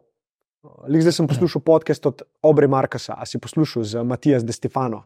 Nisem poznam njega, mislim, poznam Obrija, nisem pa poslušal tega. Poslušaj, ful je dober. Ta Matijas De Stefano, on se spomne prejšnjih življenj Atlantida itd. Um, zelo zanimiv tip. Um, no, in je razlagal o tem, kako je pač dejansko um, nastala dualnost. Um, ker na začetku je bila enotnost, se pravi, bila unity, um, in potem, da je lahko nastala uh, dualnost, torej da jaz imam odnos do tebe, da imaš ti odnos do mene, je mogla nastati bolečina. In ta bolečina je nastala, ko se je dualnost na dva dela razdelila, ne? na luč, pa na temo, oziroma na karkoli. Vse ima ja. neko dualnost. Ne? Uh, in zato tudi zdaj, vsakič, ko nekega človeka spustiš zraven, um, pride zraven neka bolečina, ker se spet ta enotnost tebe razbije na dva dela. Ne vem, če sem ti čisto tako povedal, kot on, ampak poslušaj tudi ostali, um, Aubrey Marcus, pa Matijas Di Stefano, Aubrey Marcus podcast je na Spotifyju, no. zadnja epizoda. Če vas zanimajo malo bolj take tematike, pa kako se kolektivna zavest dele premika, pa kakšni so cikli tega, kamor hodimo, um, kaj se prebuja v nas, uh, tako. Ful zanimivo. No. Hudo, bom pogledal. Ja. Ali da mogoče celo v description. Če boš description. Ja. Um, hudo, ne, ful, mislim, mi je všeč, kam, kam smo zabredla v bistvu. Ja. Ampak Ti si imel pred, ti, zdaj imaš podcast. Ne? Tudi ja. Um, by the way, vsaka čast, full dobro. Jaz poslušam, nisem še vseh, ampak ga poslušam. Yeah. Ampak predtem si imel že dva podcasta, ne? če jaz pravim, ali enega pa pol. Ja. Ja, enega, en je bil podcast, drugo je bilo bolj live preko TikToka. Aha, tudi nekaj okay. vrste. Ampak, ja, uh, ampak kaj je zdaj, zdaj drugače? Ful dobro vprašanje, stari. Ful dobro vprašanje zdaj me dejansko res zanima zgodba človeka na drugi strani in ne toliko, kaj dela, kako bi nekaj naredil. Se mi zdi, da sem klej unikaten. Da um, uživam v tem, jaz to vidim kot nek vortex, tudi zdaj, ki se ustvarja in se noter pol pač samo igrava um, kot dva otroka. Veš, spomniš, kaj si bil otrok, pa si uh, se igral. Ja, pa si sam šel s plovom, ja. ni bilo sploh. Ja. Pravil v bistvu. Tako je. Se mi zdi, da enkrat, sem enkrat to dojel in sem zdaj šel s tem podcastom noter, uh, je ta del zelo drugačen, plus seveda dejstvo, da imam ekipo, ki mi pač pol cel um proces, ki ga ti še sam delaš, ne editiranje itd. Mhm. odnese in je moj fokus res lahko sam na pogovoru. Klej se ti ful spremeni zadeva. Tako da bi ti svetoval, da vsaj editing part počasi začneš outsourcati. Ker očitno bo ta zadeva resna, ker vidim, vidim goste, kakšne zbiraš, vidim, kako pač se ti razvijaš v tem. Tako da ja, Um, Ko boš začutil, da je čas za to, investiri nekaj denarčka, pa si to outsourci, ker ti bo ful več energije pustil za dejansko same pogovore. no. Saj to je moje mnenje, veš. Um, da, Ja, si, dejansko sem te tudi hotel vprašati, če imaš še na svet za me, tako da evo, si, si, ga že, si ga že dal. ja. Sigurno se mi zdi to ena taka stvar, zato ker jaz, recimo, kar sem jaz opazil, je to, da ta del post, postprodukcije ti vzame ful več časa, kot kar priprava pa dejanski pogovor. ne. Um, pa tisti je pol malo tedious, pa tisti se mi zdi, da lahko hitro postane nekaj, zaradi česa dejansko sam nehaš vse skupaj delati. Ja. Kar je pa itak največji, ne največji fail, ampak škoda. ne. ja, drugače statistika, si kaj gledal. Jaz Ne sem jo gledal, da sem dobil en, evo, chip on the shoulder. Um, jaz sem rekel, pogledal sem statistiko, mislim, da 80%, če zdaj le kaj narobe rečem, preverite sami, ampak mislim, da 80% podcastov ne pride čez deseto epizodo, oziroma šesto, nekaj tasga. In od teh, ki pridejo, mislim, da 95% ali 99% ne pride čez 20. Okay. Tako da, če si ti rata pride do desete, si že tako, by far, uspešen. Če ti, čez, če ti rata pride čez 20, si pa tako, top 1%. ne. Tako da veš. No, ampak jaz sem rekel, za žbetom smo sedela in je žbe rekel, kva si želiš uh, s tem podcastom, ne? kakšen feedback želiš dobivati ti dan. Sem jaz rekel, stari moj, jaz nimam čist nobenih pričakovanj. Edino eno stvar bi rad rekel in to je, da prideva do 100 epizod. Do takrat bom vse feedback sprejel, vse bom poslušal, ampak me nič ne zanima. Če zajebamo, če uh, kamera crkne, če uno gor, tretje se zgodi, ne zanima me. Do 100 epizode. Pol se bova pa še enkrat vprašala. Ampak sem rekel, jaz hočem narediti 100 epizod. Če prej odnehamo, smo zajebali. In to je edini način, kako lahko izgubimo. Če odnehamo. Um, ker bojo pršali faili, bojo pršali uh, adversity, ampak a štekaš, jaz tem, ker sem si dal to glavo, jaz sploh nimam občutka, jaz sploh ne štejem, koliko jih je podcastov. Mm. Ne vem, kje je bil Jakob Nedoh. Mislim, da je bil 18, 19, nimam pojma. Ampak želim sam pač iti naprej, zbirati prave goste, razvijati debate. Ful se naučiš, pa dobro, ti si že dosti po networkam, po konektan, ampak jaz poznavam ljudi v globino, veš, ki jih prej nisem. Jaz s telo sem imel pisno, najboljši pogovor, stari. Ko ti bi jo ful svetoval, da jo povabiš. Knehtel. Stari, on se mi je odprl na podkastu o takih tematikah. On je rekel, lahko jaz sem dobil 200, 200 sporočil na Instagramu oziroma na social mediji. Koliko so ljudje veseli, da sem delil svojo zgodbo, da sem povedal, kako je. Ne. Je rekel, ne vem, zakaj sem jo delil, ampak ti si mi dal prostor. Mm. In se mi zdi, da klej je pa ta moj superpower, um, ki ga zdaj dojemam skozi podcast. Da, da ne rabim nič glumiti, nič, nič biti pameten nobenemu, nič drugega delati, kot samo pač pomagati ljudem, da delijo svojo zgodbo, prosti, da delijo svojo zgodbo, da so to, kar so, uh, in da svoje modrosti, ki so se jih čez life naučili, zelo lepo pustim, da grejo dalje. ne. Pa vsak ima nekaj globje, ki je lahko inspirativno ali pa zanimivo za nasplošno. Za, zate, predvsem zate, Ja. to v prvi vrsti, ker verjetno je to tisto najpomembnejše, ne, pa pa posledično tudi za druge. Tako je. Ja. Mene zanima pač globina, mene, zanima, mene zanimajo lekcije od zadaj, mene zanimajo modrosti. Ker jaz svoje največje modrosti sem iz največje bolečine ven potegnil. ne. In Da se ti ljudje odprejo, pa govorijo o svoji bolečini, o, o, o situacijah, kjer niso izpadali dobro, kjer so se počutili grozen. Um, in jim pomagaš to pač odpreti, in, in da okoli tega, da vam potegnejo neko modrost, jaz verjamem, da tukaj oni odvržejo tudi neke prtlage. In jaz Mm. verjamem, da Jurek Nehtel je odvrgel en težek ruzak. Ga je že sam prej dost, ampak jaz sem imel tako občutek med podcastom, štekaš. Jaz sem njega gledal v oči, star, jaz sem njega prvič, po moje, v življenju toliko začutil. Sem rekel, ok, zdaj se pa spomnim Jureta iz osnovne šole, ki je- ki je na koš meto. To si po dolgem času, brez teh vseh nalepk. Pa, Pa ni, da nista frendala. ja, Mislim, tako, sva, ja. sta frenda, pa še zmeraj se je na podkastu to zgodilo, Mhm. da se je Mhm. odprl. Ne. Hudo. Ja, in ker to začneš delati, ker pustiš ljudem, da dajo sebe ven, ne vem, um, nočeš nehati. nočeš nehati. Res ta podcast je tako zanimiv, ker tako v real life, kolikrat se zgodi, da se z nekom tako čist brez nekih disruptionov pogovarjaš eno uro, dve ure, kako koli. ne. Se, bolj bi te raje vprašal, koliko se zgodi, da to poslušaš. To je. Ja.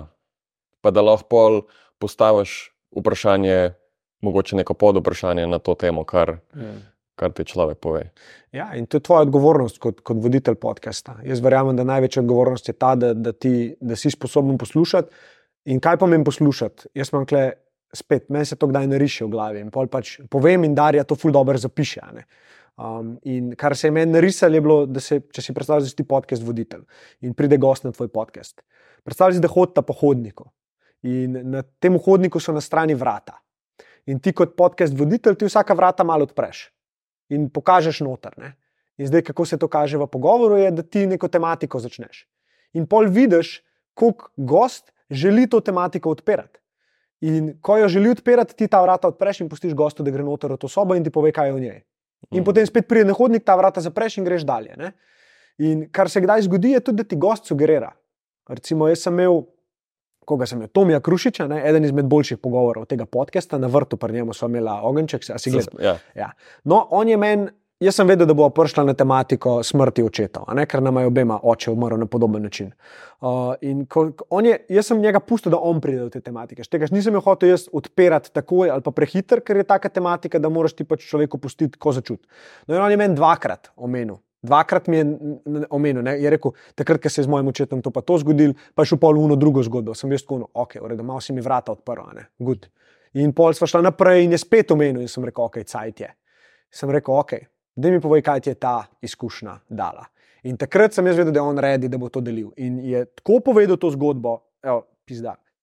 Tako povedal to zgodbo, da je folk joko. Jaz sem od velikih ljudi dubu mesič, nikoli še nisem joko med podcastom, med tem podcastom sem ne. Kako, je, kako sta lepo povedala te zgodbe, kako sta na koncu neko modrost dala ven, da, je, da čestimo v bistvu mrtve. Da, da ni, da žalujemo, ampak da jih čestimo, da, da vajni očeti čez vaju živijo, da vidva pač generacijske travme rešujeta s tem, da se o tem pogovarjata, koliko moških bo spregovoril o težkih debatah, da to stigmo razbijamo, da moraš biti ti surov, pa močen, pa tih, kot so bili naši očetje, pa očetje pred njimi. Koliko je to powerful. In ko tak feedback slišiš, stari moj, um, takrat te pa strese. In to mi je bil ful nesiguren, ko smo to dali ven. Joj, pa sem v tem govoril, pa ne vem, mnogo sem rekel, le to mi, lahko tudi dol, lahko tudi zbriševa. Ampak jaz ti hočem samo povedati, da sem ponosen na te, da si pač to delil in da to bo marsikomu pomagal. Predstavljaj si, da si nek, nekdo, ki se mu je to lihkar zgodil, pa ne zna to handlati. In ti slišiš, da je dva modela, dva modela, ki na ta način to handlata. On dobi pač moč, da tudi on lahko iz tega potegne nekaj dobrega. In če drug drugemu znamo to dati, to dovoljenje, da iz neprijetnih stvari, iz težkih, iz bolečih stvari potegnemo ven nekaj lepega, nekaj dobrega, mislim, da se bo ogromno enih travm razbil in se bodo generacijske travme pozdravljale. In bomo lahko bolj hvaležni za vse to, kar imamo, ker se bomo zavedali, da nam je lahko jutro odzeto, a ne memento mori, Mm. pač vse minljivo. In to ti da vedeti, to nas, življenje nas uči tega. In mi se smrti otepamo, medtem je pa smrt naš največji učitelj. Zaradi smrti je življenje tako lepo. a ne. In takrat, ko pride, vsak bo sposoben to shendlati. Ampak kjer največ ljudi se boji smrti, je v glavi.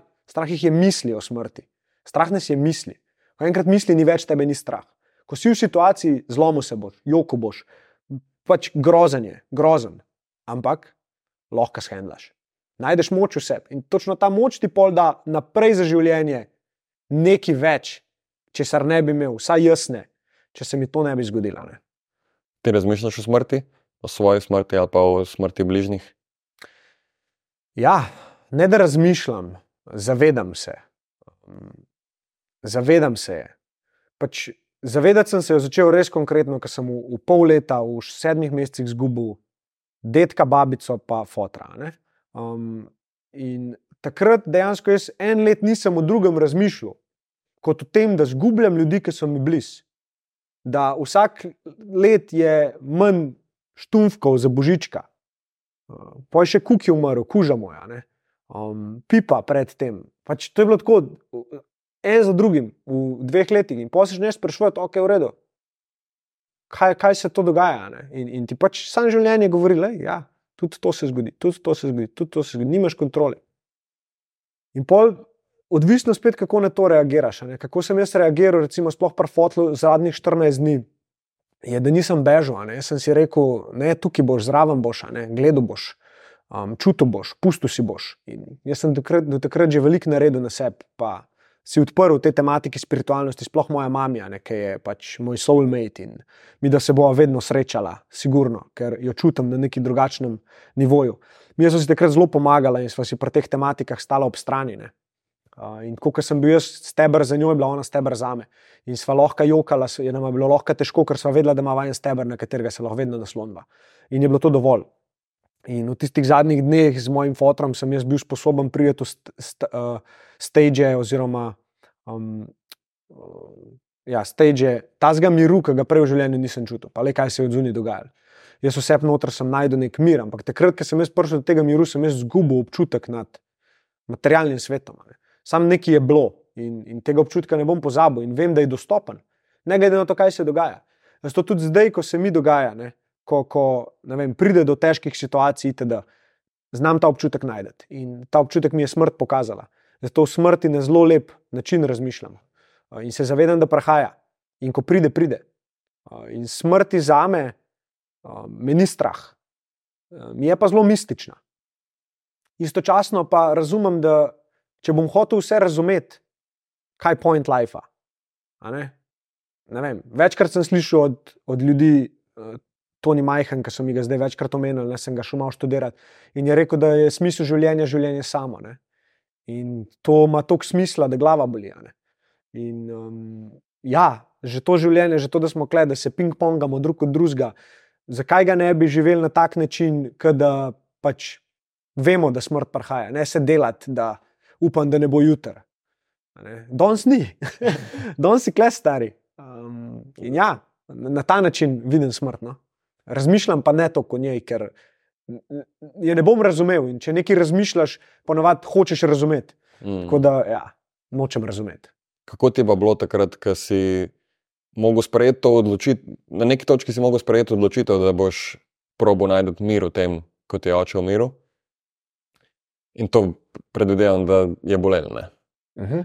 In kako si, kako si prišel do tega, da si se sprijaznil s tem, da to se bo zgodilo, slej ko prej, ampak ti si mogel iti čez to. Mm. Ljubezen. Jaz sem, jaz sem večkrat jokal ob njem, sam, ki sem ga gledal, pa ki sem skrbel za njega. Tukaj sem bil ponosen na sebe. Ne vem, ali sem bil to jaz, ali so bili moji predniki čez mene. Um, Tukaj sem bil ponosen na sebe, ker sem to delal, da se mi zdi, da iz tega ven je prišla nagrada, ki je bila v obliki miru. Ker sem v dani situaciji naredil vse, kar sem lahko, da je bilo temu človeku lažje, da sem ga pospremil. Um, in nisem se prepričval v neki drugega kot samo resnico. In resnica je bila, da gre. Kam gre, ne vem. Ampak zdaj vem, kje je in v meni je. In jaz sem se pogledal večkrat v ogledalo in sem videl njega. Ne, ne fizično, ampak ko, čutil sem, da on gleda skozi mene. Ker mi je žbe pokazal prvi del serije, kjer sem jaz govoril prvič o teh stvareh, pa za nazaj pa to, sem začel jokati pred žbetom. In sem ga pogledal in sem rekel tisto, kar mi je notranji glas govoril. In, in sem rekel, moj oče zdaj joka čez mene, od ponosa. Kako pač ne bo ponosen? In jaz mislim, da, da sem bil sposoben takrat ljubezen dajati sebe, ljubezen dajati mami, ljubezen dajati vsem okoli sebe. Vsak, ki mi je nekaj napisal, jaz sem samo iz ljubezni nazaj nekaj poslal. In, in takrat res mi je to pomagala ljubezen, ker sem jo prvič, po moje, na tak način začutil, da je vedno kle za me, da če naredim nekaj iz ljubezni, je nagrada za to mir. In mi je folk tudi rekel, ja, lahko je, ampak veš, ne, ne moreš biti skozi tako. Uh, močen, dvigne, niti da sem rekel, lete, sej, jaz pač se zlomim doma, pa z jokom, jaz pustim, da gre ven. Ne. Zdaj, na zadnje, ki sem za fotra joko, je bil, ker sem jih hčerka rodila in smo bili doma pri nas na žurki. Um, štirje smo bili, moj best friend, mami, pa od uh, žigca sestra, uh, pa, pa njen. Um, in sem dal komat, ki ga je moj oči, um, ki sem ga vprašal, kje komat bi zdaj le poslušal, če bi si izbral en komat. Ne. To je bilo dva dni prej, je umrl tri. Hm. Um, in je bila Janis Joplin, uh, Bobby McGee. Um, no, in sem ga dal, zdaj le, ker smo imeli to žurko za tam malo. In jaz sem se postavil in pač sem pel, sem pel, sem pel, stov na sredini dnevne in samo, enkrat, samo v nekem trenutku je začutil neko, neko ne vem, toplino čez mene. in samo pustim in samo začne liti. Jaz sem tako lužo na tleh naredil. In to je samo lil, cel komat, samo lil. Ja, mene so pustili na meri in na koncu v bistvu sem začutil samo, kako so me vsi naenkrat objeli. In še dobro, da so, da so, da so to bolj majhne osebe, da sem jaz lahko dihal, ker sem bil že čist brez kisika. So me objeli in jaz sem bil tako, no, stari, on je bil zdaj lehle, on je prišel pozdraviti, on je celebratil svojo vnukinjo z nami, až tekeš in to je v meni, v nas je. Uh, in mislim, da če se tega zavedamo, je to je češčenje stari, prednikov. To to, stari, to. Um, to, to je, ne vem, ta modrost, ki jo sklevam lahko potegnem, ta ljubezen pa mir. In zato tudi zdaj s projekti, ki jih delam z underdogom, pač jaz želim ljudem pač najti v njih tisto, kar jim bo spodbujalo to, da bodo želeli ljubezen do sebe kazati v prvi vrsti, da bojo lahko pol ljubezen dal še drugim. Um, in istočasno gradili stvari, koristni bili za ta svet, ampak z enim večjim namenom in to je, da bojo lahko še več ljubezni akumulirali in jo dali. Uh, in kakorkoli se to sliši, da je pacifistično, karkoli dol, jaz se zavedam, da za to je potrebno velikega dela, velikega stragla, zato ne smemo pozabiti na to, da, da s tem, da bomo se sam pogovarjali, pa obljubljali, ne bomo nič naredili. Treba je iti v strah, iti v, iti v izkušnjo, narediti stvari, ki jih je treba narediti, fejlat, začeti nekaj drugega, probati še enkrat, medtem pa se pač zabavati, pa ljubiti življenje, tako kot je. Hmm. Ja. Se mi zdi, kot da je bila to ena, tako, če, ne, če ne največja, ena izmed največjih lekcij, ki si jih imel v življenju. Ja, Je bilo, ne? ja, seveda. Mislim, ni drugega primerljivega. Zdaj ta druga me čaka, po moje, z hčerko, ampak um, Ta bo trajala malo dlje časa. Ne? ta bo trajala. Ja. Ta pa una, ki sem, um, ki sem zgubil kontrolo nad svojim jazom, ko se je transformacija v meni delala, da sem pustil vse, kar je bilo v preteklosti, med drugimi tudi kolege, ki smo se družili od srednje šole. Um, ampak tudi za njih je bilo bolje, da se jaz omaknem, kako koli. A bi rad kaj po, več povedal o tej izkušnji? Uh, ja, mislim, veš, začel se je, ker sem za Ano začel dobro hoditi. To je bila moja prva, v bistvu, res resna punca. ne. In takrat sem bil jaz konstantno ujet med dva svetova. En je bil svet mojih prijateljev, pridem igrati FIFO, pa kaditi travo, drug je bil, a si ti otrok, pač bod kle z mano. In jaz, ki sem bil z njimi, sem, sem čutil krivdo, da nisem z njo, ki mi jo je dajala, in ker sem bil z njo, sem čutil krivdo, da nisem z njimi, ki so me drkali v glavo. In to se je dogajalo en let. In jaz en let, karkoli sem naredil, sem imel občutek, da delam na robe. Hmm. In sem tudi čez to mogel iti, in še zdaj nisem čist, še zdaj imam sanje, ki njih sanjam in vedno so neka, ne vem, mogoče taka mal. Um,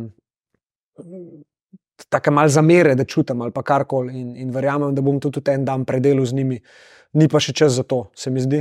Uh, tako da si tudi tle puščam pač prostor. Uh, zavedam se pa, da, da bi tudi jaz lahko boljš v neki situaciji reagiral, se večkrat s kom upal pogovoriti, uh, ne toliko držal, recimo, vseb. ne. Je to strah. Iti v strah, točno to. ne. In takrat še nisem znal. Um, zdaj ne vidim smisla, bo pa prišla situacija, ko mi bo življenje dal priložnost, da to naredim zelo organsko in takrat bom mogel pogum najti. Um, takrat bom pogum najdel in to naredil. ne. Ker pogum je odgovor na premagan strah. In zdaj sem ga že tokrat premagal, da ga imam akumuliranega v sebi, in ko pride do take situacije, si bom zdaj pač upal um, spustiti ego, po domač povedan, in biti ranljiv v situaciji in povedati svojo resnico, ne glede na to, kaj bo človek na drugi strani vrnil. Ker velikrat se zgodi boljš, kot misliš, da se bo, ker je v tebi ustvarjena neka zgodbica v tej situaciji, ki je velikrat negativna. Kaj se bo zgodilo? Mm. In Blaž mi je tukaj lepo rekel: je rekel Vprašaj se samo v takih situacijah, kaj je najhujša stvar, ki se lahko zgodi. Ne?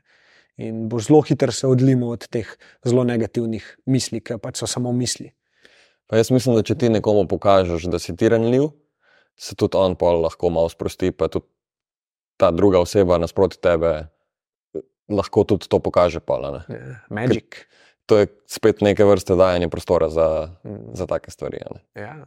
Ja, mislim, se mi zdi, da več je takih ljudi, ki so prvi lohranljivi, ki ne rabijo se dokazovati konstantno, um, ki so mogoče se pomirili malo sami s sabo. Ne, recimo Flows festival, ki smo mm. bila. Mm. Je bil en čudovitek, čudovitek, čudovit skupek ljudi, uh, ki so nekako na podoben način razmišljali, ki so bili ranljivi, ki so pač se odpirali drug drugemu, ki so dali drug drugemu prostor. a ne. In je bilo čudovito to začutiti, in se mi zdi, da več ljudi, ki bo ratval takih, ki jim bomo pomagali ratval takih, več nekih ljudi, ki še niso se odprli, ki še niso naredili nekega koraka, um, bo imel to priložnost ne. in, in, in bojo lahko spustili neki tazga vseb, ki jih ovira, da bi bili srečni. Se mi zdi, da ta Flows festival, ki si ga glih omenil, je bil res ena taka prelomna točka za marsikoga, ki je bil tam. Ker sem slišal že par takih zanimivih zgodb, pa ne bom šel noč v detajle, ampak Ja. ful enih zgodb, ki so tako iz neke točke po Flowsu čist druga, čist druga scena Ja. in spremenjen life v bistvu. ne. Pa vse, kar je bilo, je bilo tri do pet dni nekega druženja z mogoče različno, ampak isto mislečimi ljudmi. Tako je. A, tako. In, in kar sem jaz tam občudoval, je bilo to tudi najni pogovori tam. Ja. To je bila ena sama resnica, stari. Tudi z, z Niko tvojo. Sem imel jaz tam zelo globok pogovor, ker je ona meni zelo ranljive stvari povedala. In sem bil tako uno, wow. Kakšna je tukaj energija ustvarjena, da se to lahko zgodi, da si tako zaupava lahko, da, da si Pa poveva tako. Basically se nista poznala prej. Ne? Basically se niso poznala, veš.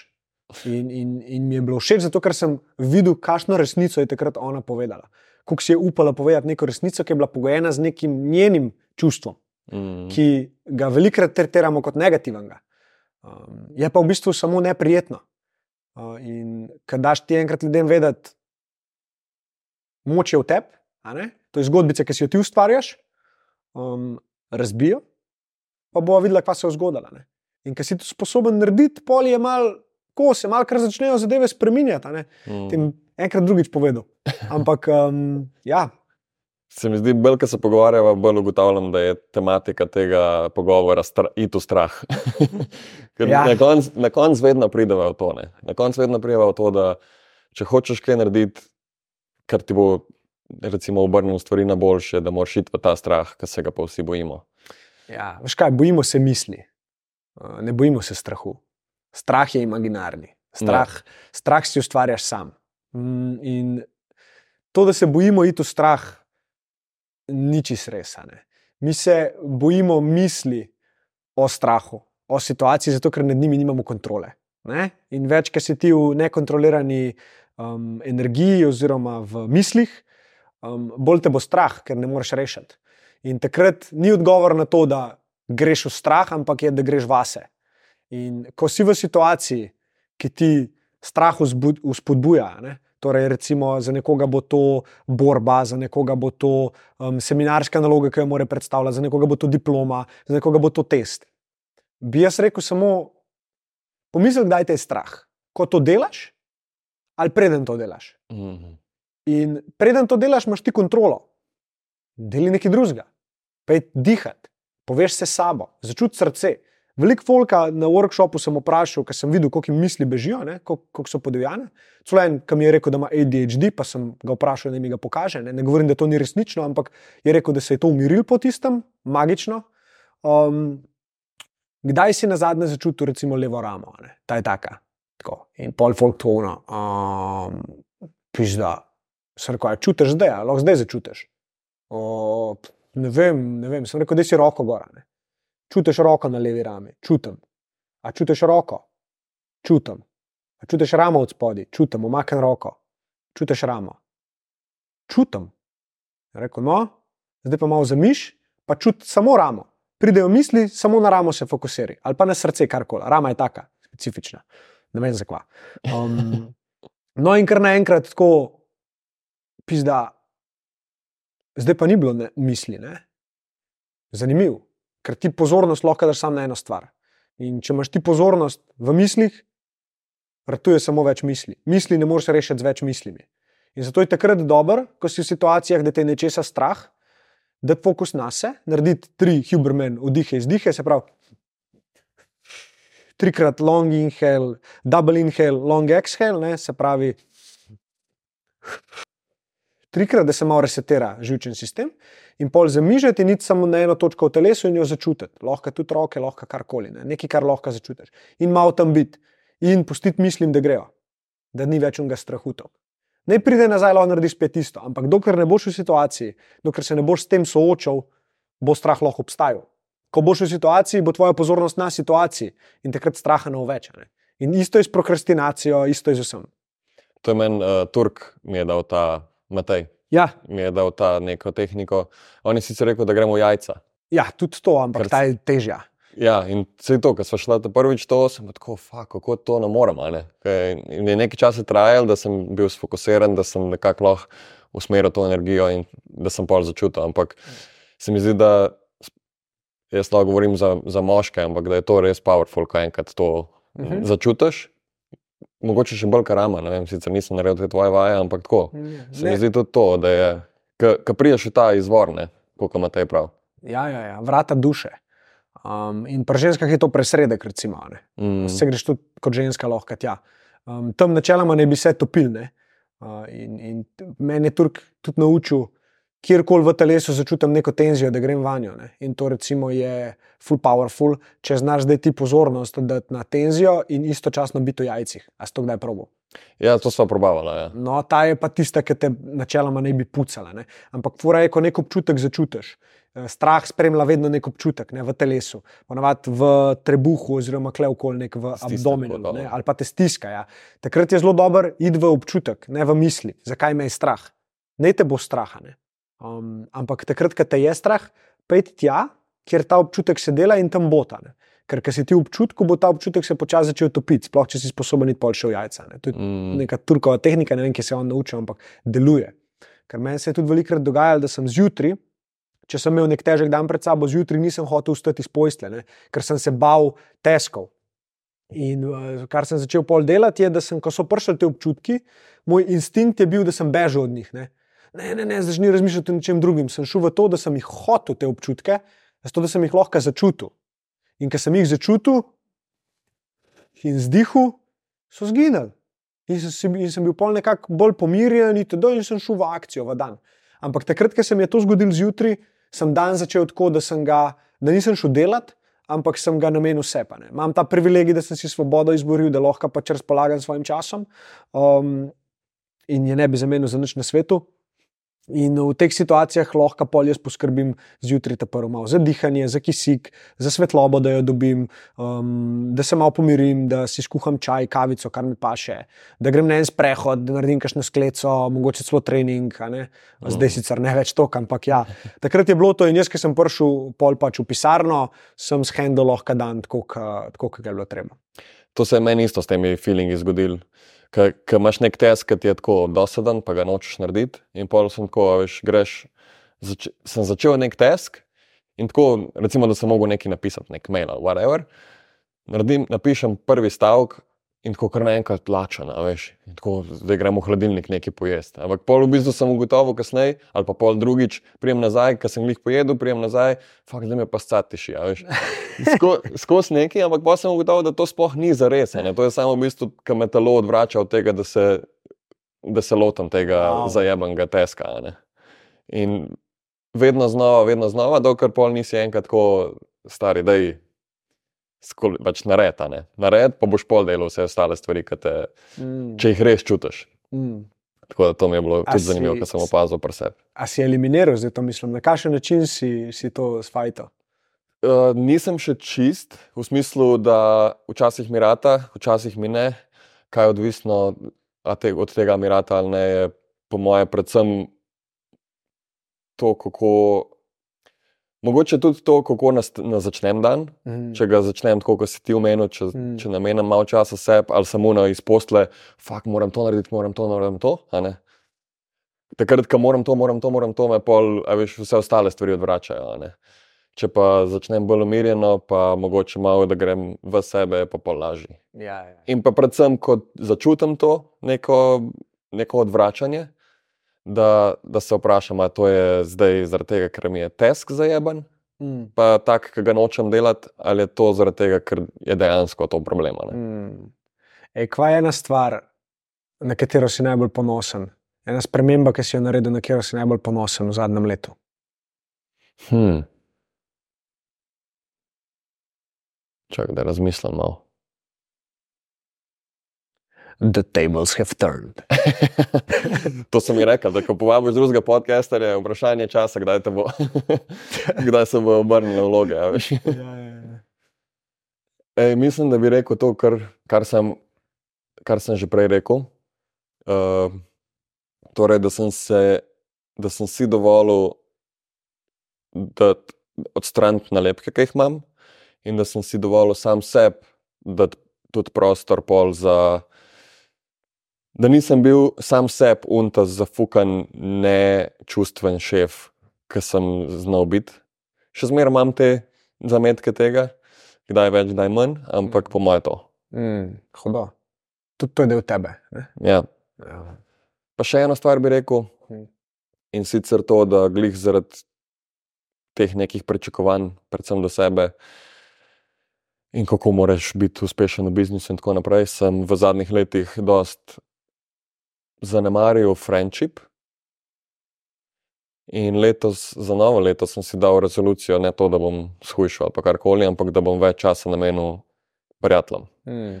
Ali je to novim prijateljem ali starim prijateljem, kako koli, sem da, da več časa odnos, odnosem nasploh, in partnerskim, in prijateljskim.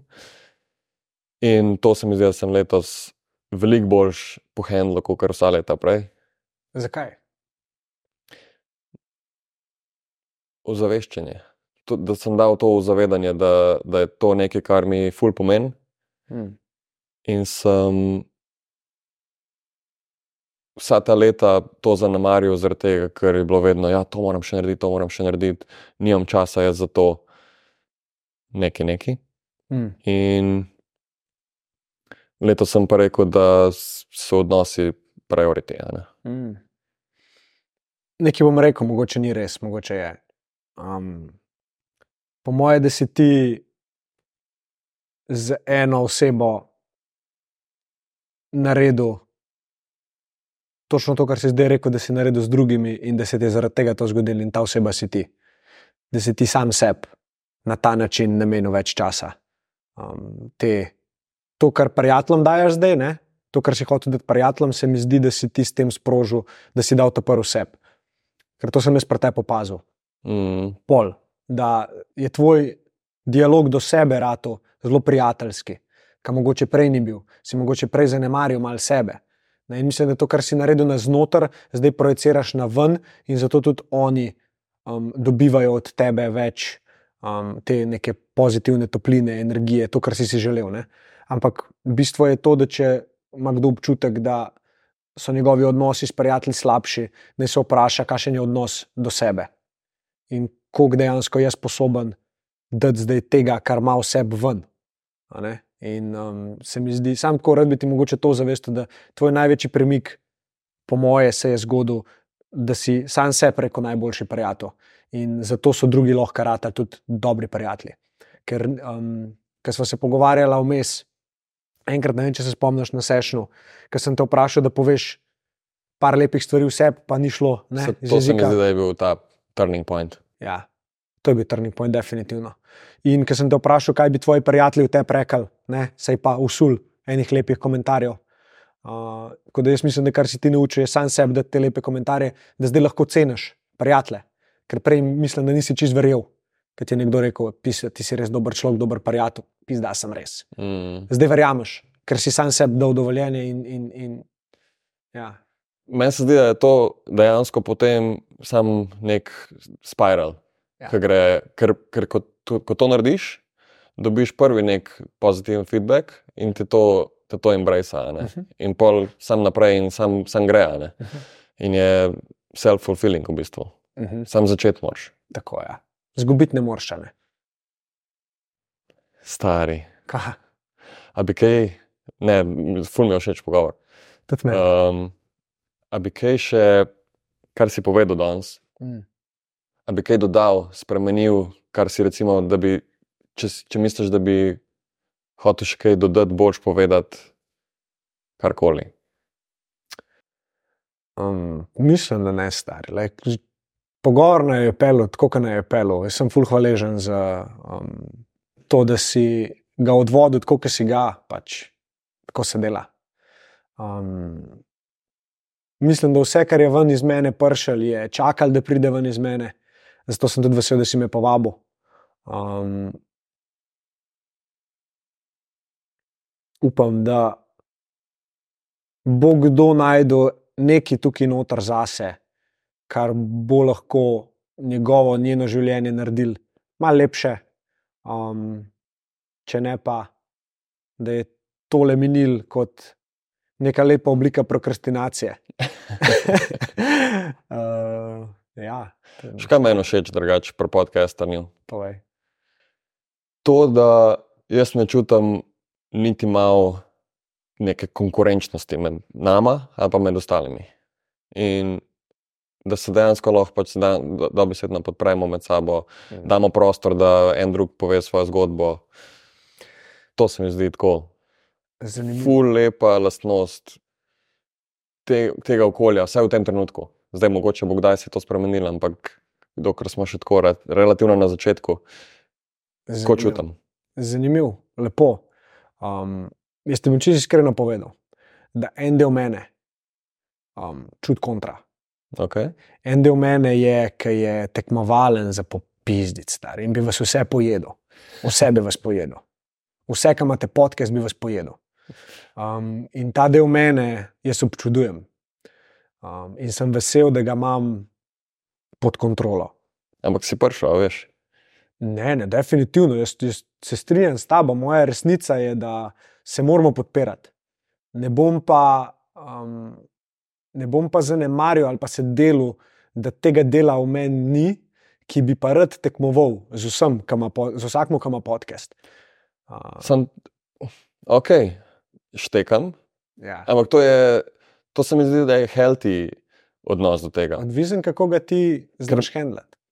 Jaz, ist, veš, se ne, da, se, jaz sem se tudi primerjal pa s tabo, pa s Klemnom, pa s ostalimi podcasterji, pa ne vem, s kom še vse. Ne? Ampak ne v smislu, fuk, kva me je zajebil, da imam podcast, jaz, veš, uh, ne vem, kako koli. Ampak bolj tako, ok, to se da, to je možno narediti. Opazuj- Dajmo se malo, dajmo ško malo. Ja. Opazuj ga, ne, s tem nič narobe. Jaz, ki sem se pomiril s tem, da je lahko ta glas kle, čeprav nočem, da je, da je lahko kle, pač mi ne moreš škodovati, ker se ga zavedam, štekaš.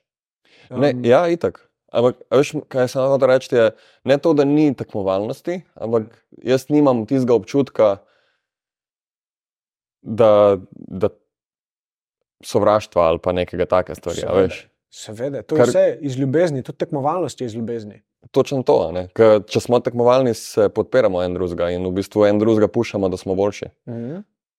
Ja, ker hitro lahko pol povežeš, veš, se to nima veze z neko splošno resnico. Jaz ti sam pač tukaj tudi povem, ker je tudi meni bilo težko, ne vem sploh zakaj sem rekel. Mislim, sram me je bilo tega delčka, veš, ki hoče se primerjati, pa ki hoče pač sebe delati boljšega. Ampak se zavedam, da je to ena oblika mene, del ega, ena maska, ki mogoče rab potrditev, ki jo nek nisem dubil ali pa ki se rab dokazati nekomu.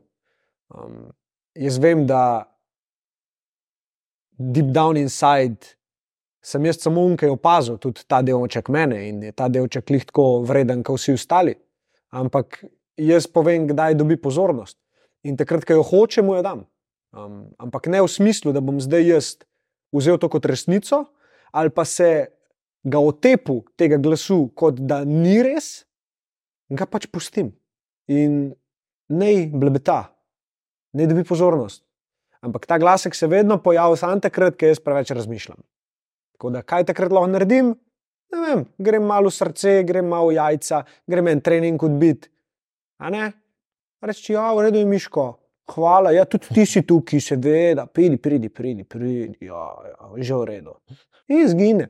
Ne? ne bom pa zanikal, da obstaja.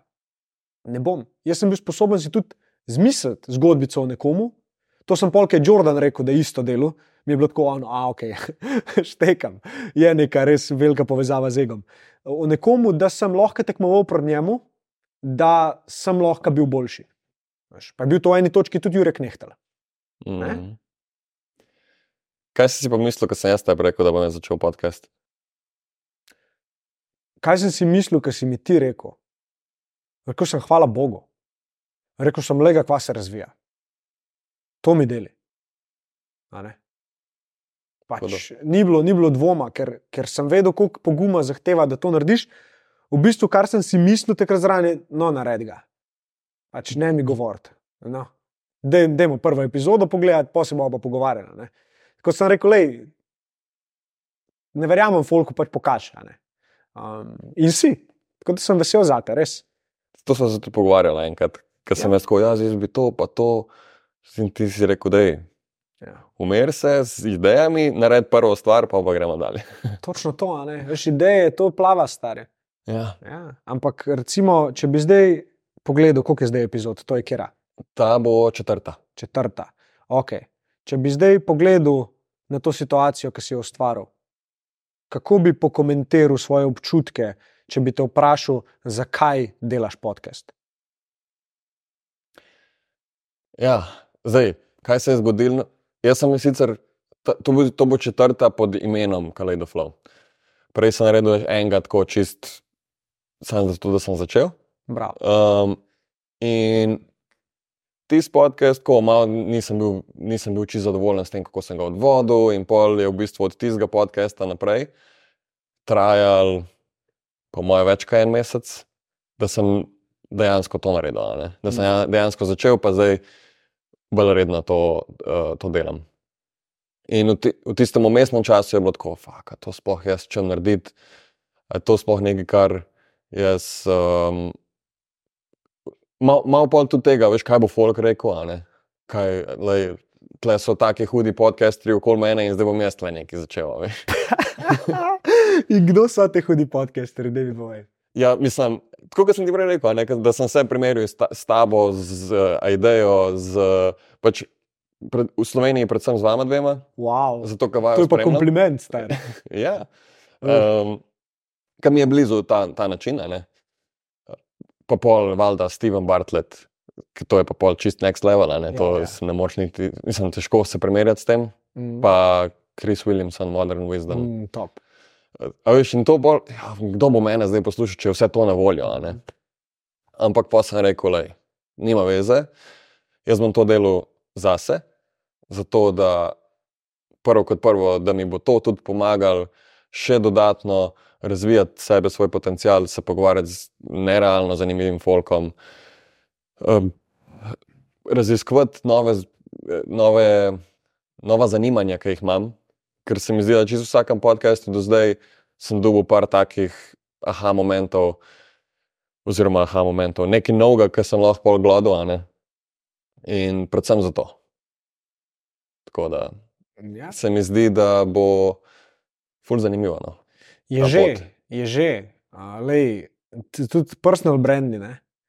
Um, jaz ne vidim smisla, enega odgovora ne vidim. Če si, ti, če si gradiš personal brand, pa je lahko to Jrnej Ogrin, pa je lahko to Polona Štolfa, pa je lahko to Petra Parovel, da ne bi imel svojega podcasta. Ne rabi biti vsak teden, rabi enega na mesec. Fora podcasta je, da si ti odpiraš pot do skupnosti ljudi, ki te bojo opazili, ki jim boš lahko pač povedal svojo resnico. A veš, tudi ti, jaz sem pač bil presenečen. Jaz sem prvi podcast dal gor s Turkom, prva epizoda. To ima čez 10 tisoč ogledov. Mm. Odkje si rečeš? Še jaz sem takrat s Turkom govoril, sem rekel, človek, pa kva se to dogaja, stari. Je rekel, lej. On je še zdaj, še zdaj objavlja za nazaj, koliko je hvaležen za to epizodo. Veš, pa ker si jaz tako rečem, model, pač wow. Jaz sem bil tako hvaležen, v bistvu, da tudi če ne bi nič drugega naredil, sem jaz njemu dal nekaj, kar je on meni dal, tako pet let. Sem jaz njemu imel šanso vrniti. Veš, ne veš, komu boš ti tukaj s tem podcastom dal možnost, da bo prodrl do enih ljudi, s katerimi bi pol lahko nekaj naredil. In jaz ful podpiram podcaste, kjer je od zadaj neko močno sporočilo kjer je od zadaj neka energija, tako kot tudi tvoja je. Klej sva si mi do podobna in verjamem, da tudi sklemno. Mm. Um, ampak vsak bo, če unikaten ratu čez čas. Vsak bo nekaj unikatnega delal čez nekaj časa, ne v prvih treh epizodah, ne moreš biti, težko si unikaten. Razen če se afnaša, ti pa pol spet, ko je be. Ampak ko priješ enkrat do te točke unikatnosti, pol še le nazaj pogledaš, pa rečeš, ok, v redu, zdaj dojemam. Jaz sem mogel prej 100 epizod narediti, da sploh lahko zdaj rečem, ok, v redu, jaz imam podcast. Mm. Ne, to je ta catch. In zakaj bi se ti primerjal v svojih prvih 10-20 epizodah s komarkoli? Pa zakaj ne bi začel? Ne? Pač Exactly. Pusti primerjave, stare. In, in ja, mogoče to ne govorim tebi, mogoče go- to govorim zdaj sebi, a štekaš. Mm. In to je ta lepa stvar, tega, da, da si dajemo drug drugemu priložnost, da se, da se nagovarjamo na tak način, ki se hočemo. Da si odpiramo te, da si nastavljamo ogledalo, da si odpiramo neke aspekte, ki jih sami ne vidimo, blindside.